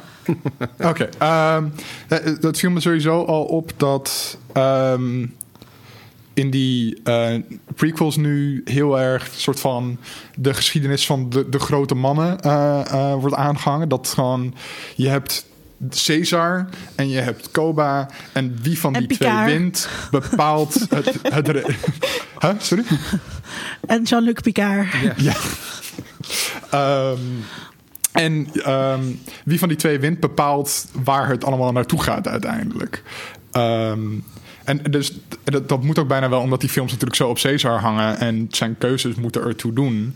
Maar hebben apen niet ondertussen gewoon een soort politieke structuur bedacht waarin een soort van keuzes gemaakt kunnen worden onderling? Ik bedoel, het is ook een beetje een ouderwetse autocratie. Dat is gewoon best wel. Uh, ja, dat, dat ik had inderdaad meer willen weten. Ik had meer willen weten over de ideologieën, de strijdige ideologieën in de apenwereld. Ik vond het ook raar ja.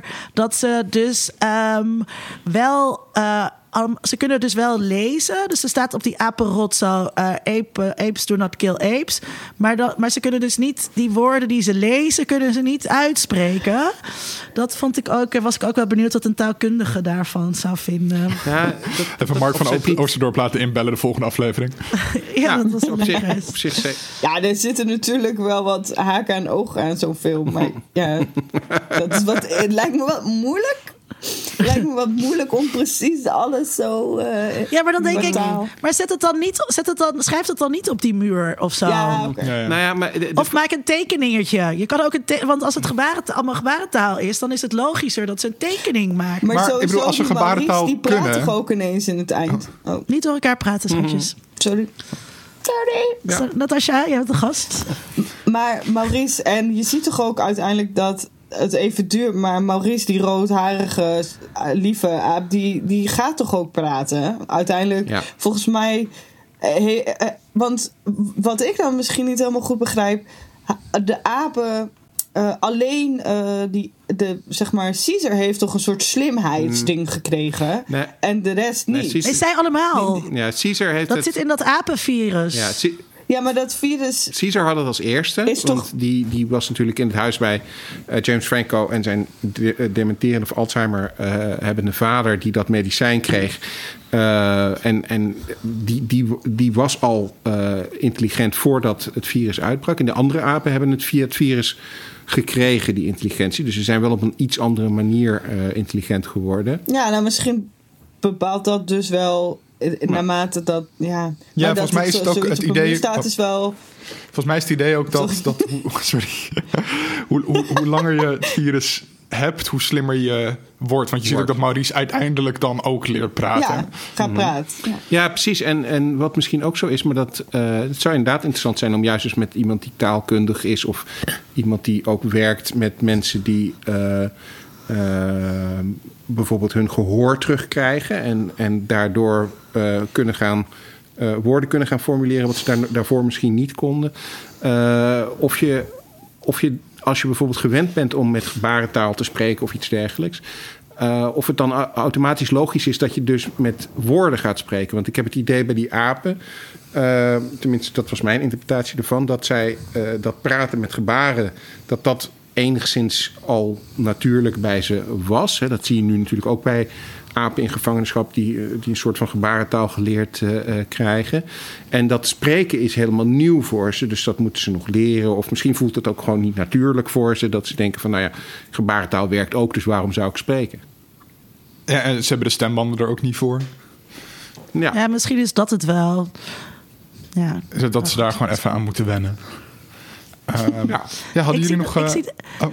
ik zie trouwens nu pas in Zoom, ik weet niet of jullie dat al, door, al eerder door hadden. Als iemand dus het woord wil nemen, dan komt geel. er dus een ja. soort geel spatiebalkje eronder. Maar nu geef ik het woord lekker niet op, dus blijf ik de hoofdgeel persoon. nou, dan blijf je... Oh, oh nee, nee, nee zit Het is een vierkantje, toch? Wisten jullie dit? Ja, ja, ja. Nee, het is een vierkantje bij mij. Het is een vierkantje, toch? Ja? Mm -hmm. Oh, ik dacht dat je zei één stuk. Maar dan kan je We dus ontdekken zien allemaal wie, nieuwe dingen in Zoom. Ja. Ja, ja. ja, heel... heel ja. Oké. Okay. Ja, uh, vind, uh, ik nog even als afsluiter uh, misschien. wat, wat, wat vinden de films uiteindelijk van bijvoorbeeld nature versus nurture en cultuur? Zijn mensen inherent Ja. slecht of apen uh, in, en apen inherent goed? Ik wil het ook, daar moet ik, nee. wil, ik moet het zeker over hebben. En ook nog, wordt ook niet evolutie, wetenschap en geloof skippen. Oh ja, dat is ook nog ja. wel een goeie. Zeker met die eerste film. Ja. Mm -hmm. ja. Nou, Nature Nurture, uh, uh, volgens mij, dat, daar zat ik net aan te denken. Uh, en dan is het misschien meer iets voor uh, Tom en Linda om daar dieper op in te gaan. Maar in de 67-film is het volgens mij redelijk deterministisch allemaal. En dat zit hem zeker in de orang-oetangs, die zijn de ruling class. De gorilla's zijn de vechters en de, en de soldaten. En de chimpansees zijn de wetenschappers. En er zit ook geen crossover of wat dan ook in. Het is gewoon zo, je bent een chimpansee, dus ben je een wetenschapper. En je bent een gorilla, dus ben je een, uh, een soldaat. Uh, terwijl dat volgens mij... Ik zou niet weten hoe dat in de, in de prequels zo zou zijn. Daar is het volgens mij veel meer... Ja, iemand is wat hij wat die is of wat hij kan zijn. En niet per se omdat hij nou toevallig dit of dat... Om, hè, of omdat hij nou een man is of dat een vrouw is... of dat hij een gorilla of een orang-oetang is... is die dit of, uh, of is iets, iets anders. Hmm. ja, jouw, jouw, vakje werd geel, Tom. Ik liet jou oh, dat is mijn uh, um, Ja, ik weet ook niet... Um, want inderdaad, met apen is inderdaad die rol vaststaand. Maar, maar qua mensbeeld is er wel wat variatie meer mogelijk... volgens mij in die originele film. Um, en is, is bij die latere films ook heel erg inderdaad het idee van... Ehm, er is geen natuur da- dat mensen slecht of goed maakt, of een natuur dat apen goed of slecht maakt. Het is echt de omstandigheden waarin ze zijn opgegroeid en waarin ze zich bevinden, ehm, die het gedrag uiteindelijk gaan bepalen. Dus Koba's op, eh, opvoeding ehm, als een labrat heeft ervoor gezorgd dat hij hatelijk is en mensen haat eh, en gewelddadig is. En Caesars eh, ehm, opvoeding in een huis waarin hij heel veel liefde kreeg, waar James Franco goed voor hem zorgde. eh, heeft ertoe geleid dat hij veel meer compassie heeft. Dus het, de, film, de, de latere film zit echt wel stevig aan de kant van nurture. Ja, ik vind het in die eerste films met die, met die standenindeling per apensoort eh, een beetje simplistisch ook.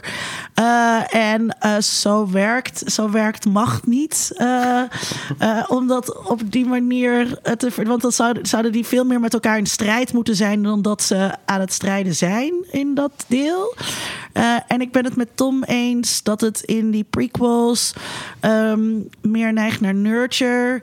En, eh, eh, en ik vind nature-nurture vraagstukken altijd een beetje basic. Eh, omdat het nooit zo werkt, zeg maar. Dus het, het, het, is zo, het is altijd een combinatie van dingen. Ja, daarom vind ik die discussies altijd heel oninteressant. Ehm, en die thematiek vind ik, dus ook niet zo heel interessant. vind Ja, want ik wilde zeggen, want het is wel echt iets dat de films leuk opwerpen. of goed om te eh, zien als als je idee en ook actief mee, mee, Want het- mee proberen te engageren. Eh, Ja, nou, ik moet zeggen, ik vond dus ehm, Rise eh, onverwacht eh, leuk gedaan. Maar ik had, daar, ik had me dat veel erger voorgesteld. Oh, oké. Ja. ja, ja. En jij Ja, wil, en, eh, maar, ja, als je dan, ja, maar dat is ook, dat is mijn afwijking. Als je dan in dat universum bent, dan zou er ook, je zou ook, je zou dus inderdaad ook een, een hele interessante film kunnen maken over eh, eh, alternatieve ideologieën die die apen ontwikkelen. Maar dat vereist wat meer denkkracht en wat meer verbeeldingsvermogen. En terwijl deze franchise is natuurlijk gewoon bedoeld om heel erg veel geld op te halen en heel veel mensen naar de bioscoop te trekken en helemaal niet om Dr. Linda Duits te plezieren. Ja, maar ik vond ondanks inderdaad dat het er niet is om Linda Duits te plezieren, ehm, dat veel meer dan andere blockbusters ehm, ze wel buiten aan de randjes van het genre eh, gaan staan een beetje. Dus ook qua hoe ze die films eh, eindigen. Ik bedoel, het zijn echt wel Ja, tragedies in de ouderwetse zin eh, eh, dat het echt slecht afloopt. Ehm, en dat er ook geen makkelijke resoluties zijn. Dus het, het is niet aan het einde, tada, het goed wint en het kwaad is verslagen. Ja, dat is wel een beetje zo, maar dat heeft alsnog ongewenste gevolgen eh, waar we uiteindelijk wel mee moeten gaan dealen nog steeds. Eh, en dat vond ik wel ja, eigenlijk best wel sympathiek aan de films, dat ze buiten die eh genreconventies een beetje proberen te gaan. Ja, dat kan ik dus niet zeggen voor twee eh, en drie. Ja, Maar het is vooral twee. eh, ik vond de één eh, wa- dus wel echt eh, leuk om te kijken. Ja. Jij dan, Natasja? Ja, nou ja, ik heb iets minder. Ik vind het juist wel interessant, misschien omdat ik wat minder daarin zit dan jij. Dus ik vind het juist wel grappig om heel erg die. Vooral ook in die eerste film, dus wat ik net ook al zei in die 67, dat.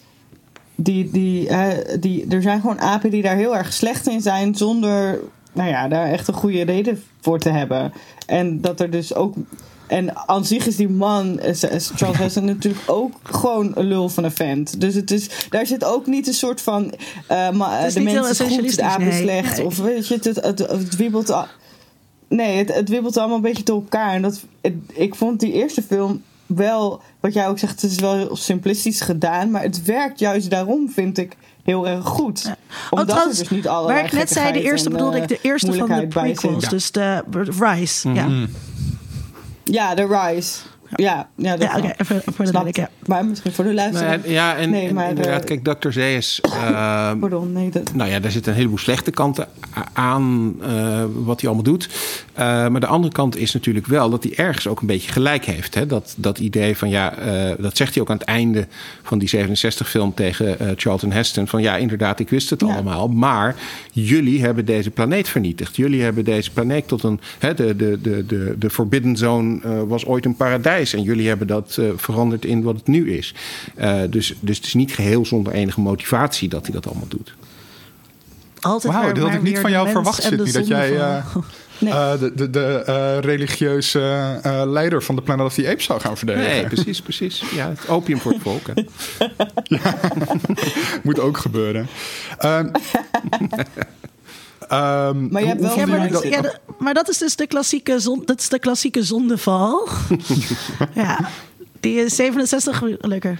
Maar daarom, ken je, Ja, daarom ja, kies ja. je voor de apen toch uiteindelijk? Ja. Ik bedoel, omdat... Mogen we het toch over ja. evolutie en geloof hebben? Ja, daar wilde ik net Ja, naartoe. evolutionaire Ja, wa- psychologie. jij wil daar iets over zeggen, denk ik. eh. Nee, ik wil wel horen wat jullie daarover te zeggen hebben. Ja. Zeg Sydney? maar. Wat ik daarvan vind, evolu- evolutie en geloof. in deze Ja, films. hoe dat, hoe dat in die Eh, originele film, eh, film. Eh, nou ja, goed, in de originele film is de boodschap qua geloof heel duidelijk dat, de, dat God de aap in zijn beeld heeft geschapen. En dat de lawgiver duidelijke opdrachten aan de apen heeft meegegeven. Hè. Beware the beast man, onder andere. Ehm, en dat er ook heel duidelijk religieuze dogma's zijn die beschermd moeten worden. En eh, hè, dat er dus voorzichtig met de waarheid moet worden omgesprongen. Omdat je anders misschien wel eens mensen zou kunnen krijgen die hun vraagtekens bij dat geloof eh, stellen. En dat spreekt me op zich wel, die boodschap spreekt me wel aan. En de boodschap van, eh, van de prequels, waarin ehm, eh, eh, pas, pas op met genetisch eh, modificatie en wat je allemaal in laboratoria doet. Want daarmee mes je met de natuur op een manier die terugkomt om je in de billen te bijten. Ja, nou ja. Ik denk niet dat iemand het daarmee oneens kan, eh, kan zijn. Eh, eh, en dat, is, dat natuurlijk wel heel dik bovenop. En eh, ehm, ja, je ziet gewoon in die film dat ehm, er geen echte verantwoordelijkheid wordt genomen voor hetgene wat ze aan het doen zijn. En dat is natuurlijk ook. Dat zit natuurlijk ook in die boodschap van, eh, van eh, wat er dik bovenop ligt. Dat je niet, niet zo met dieren moet omgaan. Maar ook niet dat je zo met, de, zo met de natuur kunt omspringen. Van nou, we maken een virus dat Alzheimer gaat genezen. En wat het verder voor effecten heeft, dat, dat interesseert ons niet zoveel. Want we kunnen er geld mee verdienen. Ja, ook heel, echt wel heel obvious met aandeelhouders. Ja, en eh, Ja. God, ik vond het... al, het ligt er heel dik bovenop. Ja. Het, is, het is wel kapitalisme kritiek van. eh, nou, Super genuanceerd. Super Ja. genuanceerd. Ja, maar dat is niet Ehm, per se ja. erg. Hè? Ik bedoel, dat, dat is niet per se erg. Het hoeft niet altijd heel subtiel te zijn. Dat kan ook gewoon, eh, kan ook maar gewoon duidelijk zijn, toch? Ja, je ik kan ook gewoon een keertje zeggen wat je vindt. heel graag. Raak in je forse raap. Zeker. Ehm, Ja, Tom, wat vond jij? Ehm, ja, ik vond het.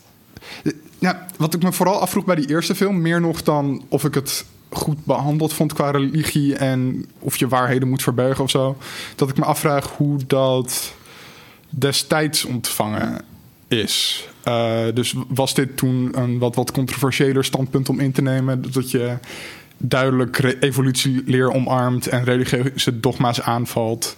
Ehm, wa- was dat iets dat, dat films en media toen vaker deden? Of was dat nog een beetje dat daar een eh, commissietje van de overheid bovenop zat en Zeker. daar wat strenger op was? Nee, ja, ja, ja. De, de- de- over religie. ehm, de, de Amerikaanse filmkeuring eh, was verontwaardigd over de laatste scène waarin Charlton Heston zegt: eh, God damn them, God damn them all to hell. Omdat daar God Oh, daar hadden ze problemen mee. Ja, dat vonden ze niet kunnen. Totdat Charlton Heston hun dan kennelijk heeft uitgelegd dat hij eigenlijk niet God vervloekte, maar eigenlijk natuurlijk de mensen vervloekte die de aarde vernietigd eh, hadden. En daarmee werd het dan eh, acceptabel. Eh, en ja, de auteur is dood. Moest hem een keer zeggen, natuurlijk, deze aflevering. Maar deze auteur, een van de schrijvers van, van dit verhaal, hè, dus los van die Rod Serling die daar die Twilight Zone-achtige twist aan heeft gegeven, was een andere schrijver, iemand die op de blacklist heeft gestaan vanwege zijn communistische sympathieën, eh, Michael Wilson. Controversieel. En ehm, dat heeft hij natuurlijk ook, ja, nogmaals, de auteur is dood, ik weet het, Linda. Maar dat zit natuurlijk wel ergens een beetje in dat verhaal verwerkt. Hè, dat tribunaal wat op een gegeven moment plaatsvindt en, en, en dat soort dingen. Eh, zijn ervaringen daarmee heeft hij op de een of andere manier wel in dat verhaal eh, verwerkt. En, en ik denk ook wel dat je dat terugziet. Ik denk dus dat, dat kijk, 1967 was een was, een, was het de tweede helft van de progressieve jaren 60. ehm, dat dat bij een bepaald publiek wel goed daarin kwam. Dus ik denk dat dat ehm, niet, zo, niet zo far out there was als dat we nu misschien eh, denken. Maar dat weet ik, dat weet ik niet. Ja. Ehm, ik eh, wou nog wat. Oh ja. eh, wat ik vind ontbreken, nu we het dus al over hebben, maar misschien zit dat er wel in in, in eh, eh, twee en drie, eh, dus in Dawn en War. Ehm, eh, ontwikkelen die apen eigenlijk een, dan een, een, een, een code of laws en een geloof? En zit er, zitten daar rituelen in, ceremonies, wat je verwacht bij een beschaving die aan het ontstaan is? Nee, en dat viel me ook wel op. Ehm, dat, Als het thema zo obvious is in, eh, in het origineel. ja, ik, had ook wel verwacht dat ze, dat ze wat meer die kant op zouden gaan. Dat ze dus inderdaad zouden gaan opzetten waar dat geloof in die eerste film dan vandaan zou komen. Maar dat gebeurt helemaal niet. Ik had echt verwacht dat er een aap die Simos heet op een gegeven moment geboren zou eh, worden. En dat die dan inderdaad eh, wat eerste regeltjes op zou schrijven of zo. Maar veel verder dan eh, het dogma Ape Together Strong komen de films niet. Nou, Nee, maar ik vind ook dat in die, la- in die trilogie, die laatste twee, focussen zich, nou ja, echt wel op dat het avonturenfilms zijn, vind ik meer dan science fiction. En, eh, en dat het ook, nou ja, bijna een beetje de kant op gaat van we moeten inderdaad geld verdienen, ook vooral met deze films. En, en ze zijn dus niet voor Dr. Linda Duits gemaakt. En ze, en ze Maar- missen gewoon wat. Met heel spectaculaire maar, ja. actiescènes. en eh, ik moest een ja. beetje denken.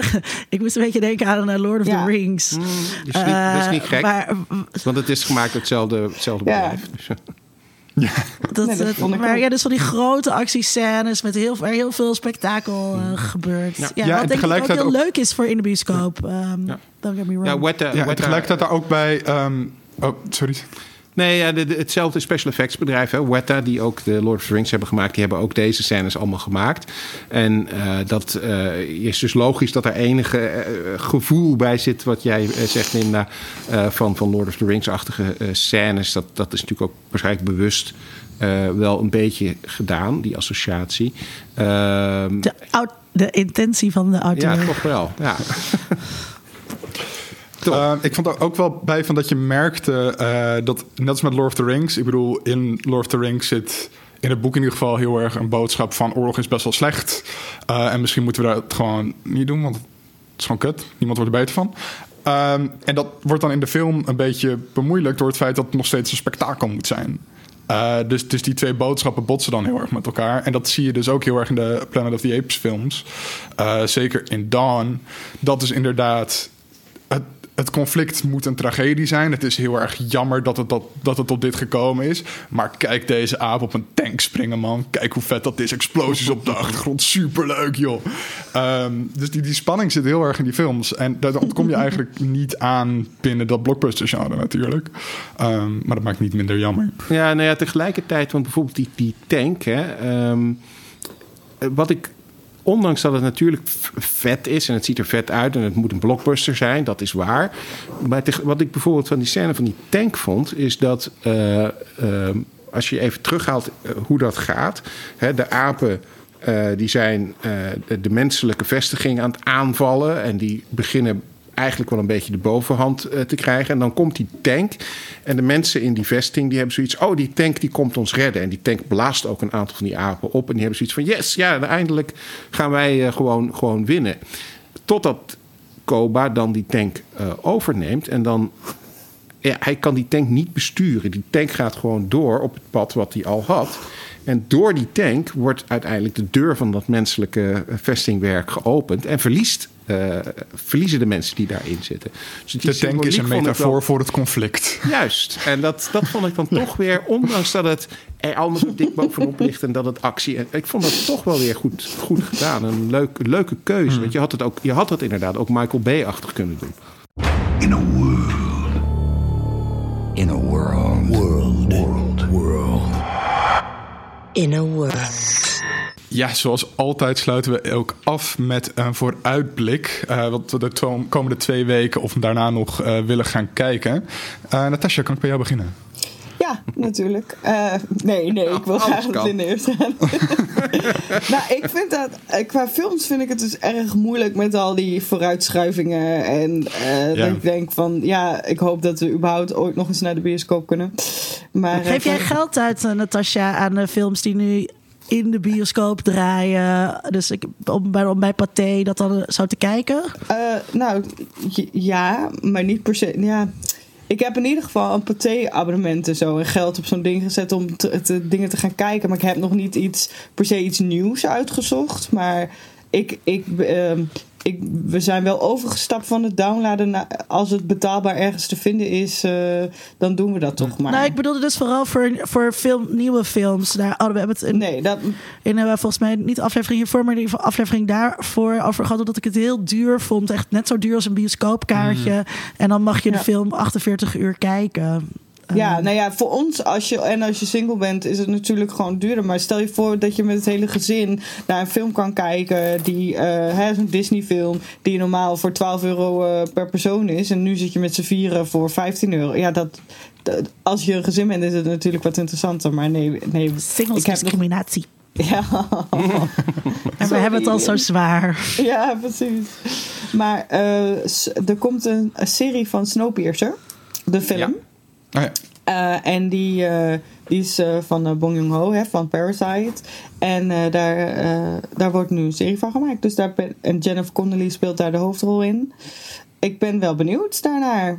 Ik, het, het zit niet volgens mij bij HBO of zo. Dus ik, dan gaat me wel direct weer een beetje van... Oeh, gaat dat goed? Maar ja, toch... ja, het is wel sci-fi of zo? Of ik vergeet waar het van Ja, is. ik maar- ook even. Ik heb het niet opgeschreven. Maar, Ja. maar inderdaad gewoon eh, wel... Ja, hoe noem je dat? Kabel-tv in Amerika. Mhm. Niet per se... eh, maar nou ja, er komen ook een heleboel goede dingen uit natuurlijk. Maar eh, ik, ik vond die film namelijk ook best grappig. Oh, dat- hè, daar is vast ook wel wat kritiek op te leveren. Maar gewoon die klassenstrijd in die trein. En dan... Ja, Oh, supergoeie film. ja, dus ik, ja, ik ben benieuwd daarnaar. En dan er komt een nieuwe Ryan Murphy serie aan, Hollywood. Over de jaren 40 in Hollywood. Dus eh, ook Interessant. benieuwd. Nou ja, ik ga niet veel spoilen, want, eh, of te veel vertellen. Ik moet gewoon gaan kijken. Linda. Ik eh, eh, hou het heel kort. Deel 2, Mokka, of seizoen 2 van de Mokka Mafia ga ik straks denk ik aan beginnen. Zin in. Oké. Ja, Sydney. Nou, ik eh, kijk uit naar een aantal dingen. Eh, het eerste is dat ik eh, een DVD heb besteld eh, over eh, de make-up effects van Planet of the Apes. Eh, dat is een eh, documentaire die is gemaakt en die heet Going Ape. waarin eh, afgelopen jaar een aantal van de makers die aan die, aan die film hebben gewerkt en ook huidige make-up effects artists eh, eh, geïnterviewd worden om te praten over de impact die die film eigenlijk heeft geha- gehad eh, op, op make-up effects en op hoe, je dat, hoe, hoe dat in de film eh, nou ja, een belangrijke rol is gaan spelen. Dus daar ben ik benieuwd naar. Ik had gehoopt dat die er al was geweest voor deze aflevering, maar dat, eh, dat mocht niet zo zijn. Ehm, en ik heb een andere DVD besteld, want ik eh, vind het toch niet zo erg af en toe om gewoon te betalen voor, voor dingen. En dat is Scream Queen. Daar hebben we het al eens eerder over gehad. Dat is een documentaire over het maken van Nightmare on Elm Street 2. De eh, gayest horror film ever made. op, het Eh, roze dus- film, op de roze filmdagen Ja, zou dra- draaien. die zou gaan draaien inderdaad op de Roze Filmdagen. Maar ja, dat kan eh, nu niet. Want die zijn, zijn afgelast. Net zoals bijna alles, inclusief Comic-Cons, afgelast zijn. Oh, echt? Ja, San Diego Comic Con is ook afgelast. Ja, ja dat is het ergste. Ehm, maar goed, eh, die heb ik besteld. En wat ik, waar ik eigenlijk wel naar uitkijk... Ja, ik, ga ik denk dat ik me niet kan eh, bedwingen... om hem gewoon toch zelf alvast eh, te gaan kijken. Maar als we hopelijk binnenkort te horen krijgen... dat de social distancing maatregelen... een klein beetje versoepeld gaan worden... om hem dan samen met een paar mensen te gaan kijken. Waaronder Ipe, want ik weet zeker dat Ipe hem graag wil, wil zien. Het is, Nightmare on Elm Street is ook een van zijn... Deel 2 is een van zijn favoriete horrorfilms. Dus eh, daar kijk ik wel naar uit dat dat weer kan straks. Ja. top. Ehm, zelf kijk ik eh, eh, uit naar ehm, eigenlijk films kijken op vitamine Cinefil. Dus dat is, je kan je Cinefil abonnement gewoon laten doorlopen. En dan krijg je nu toegang tot films die anders in filmhuis hadden gedraaid.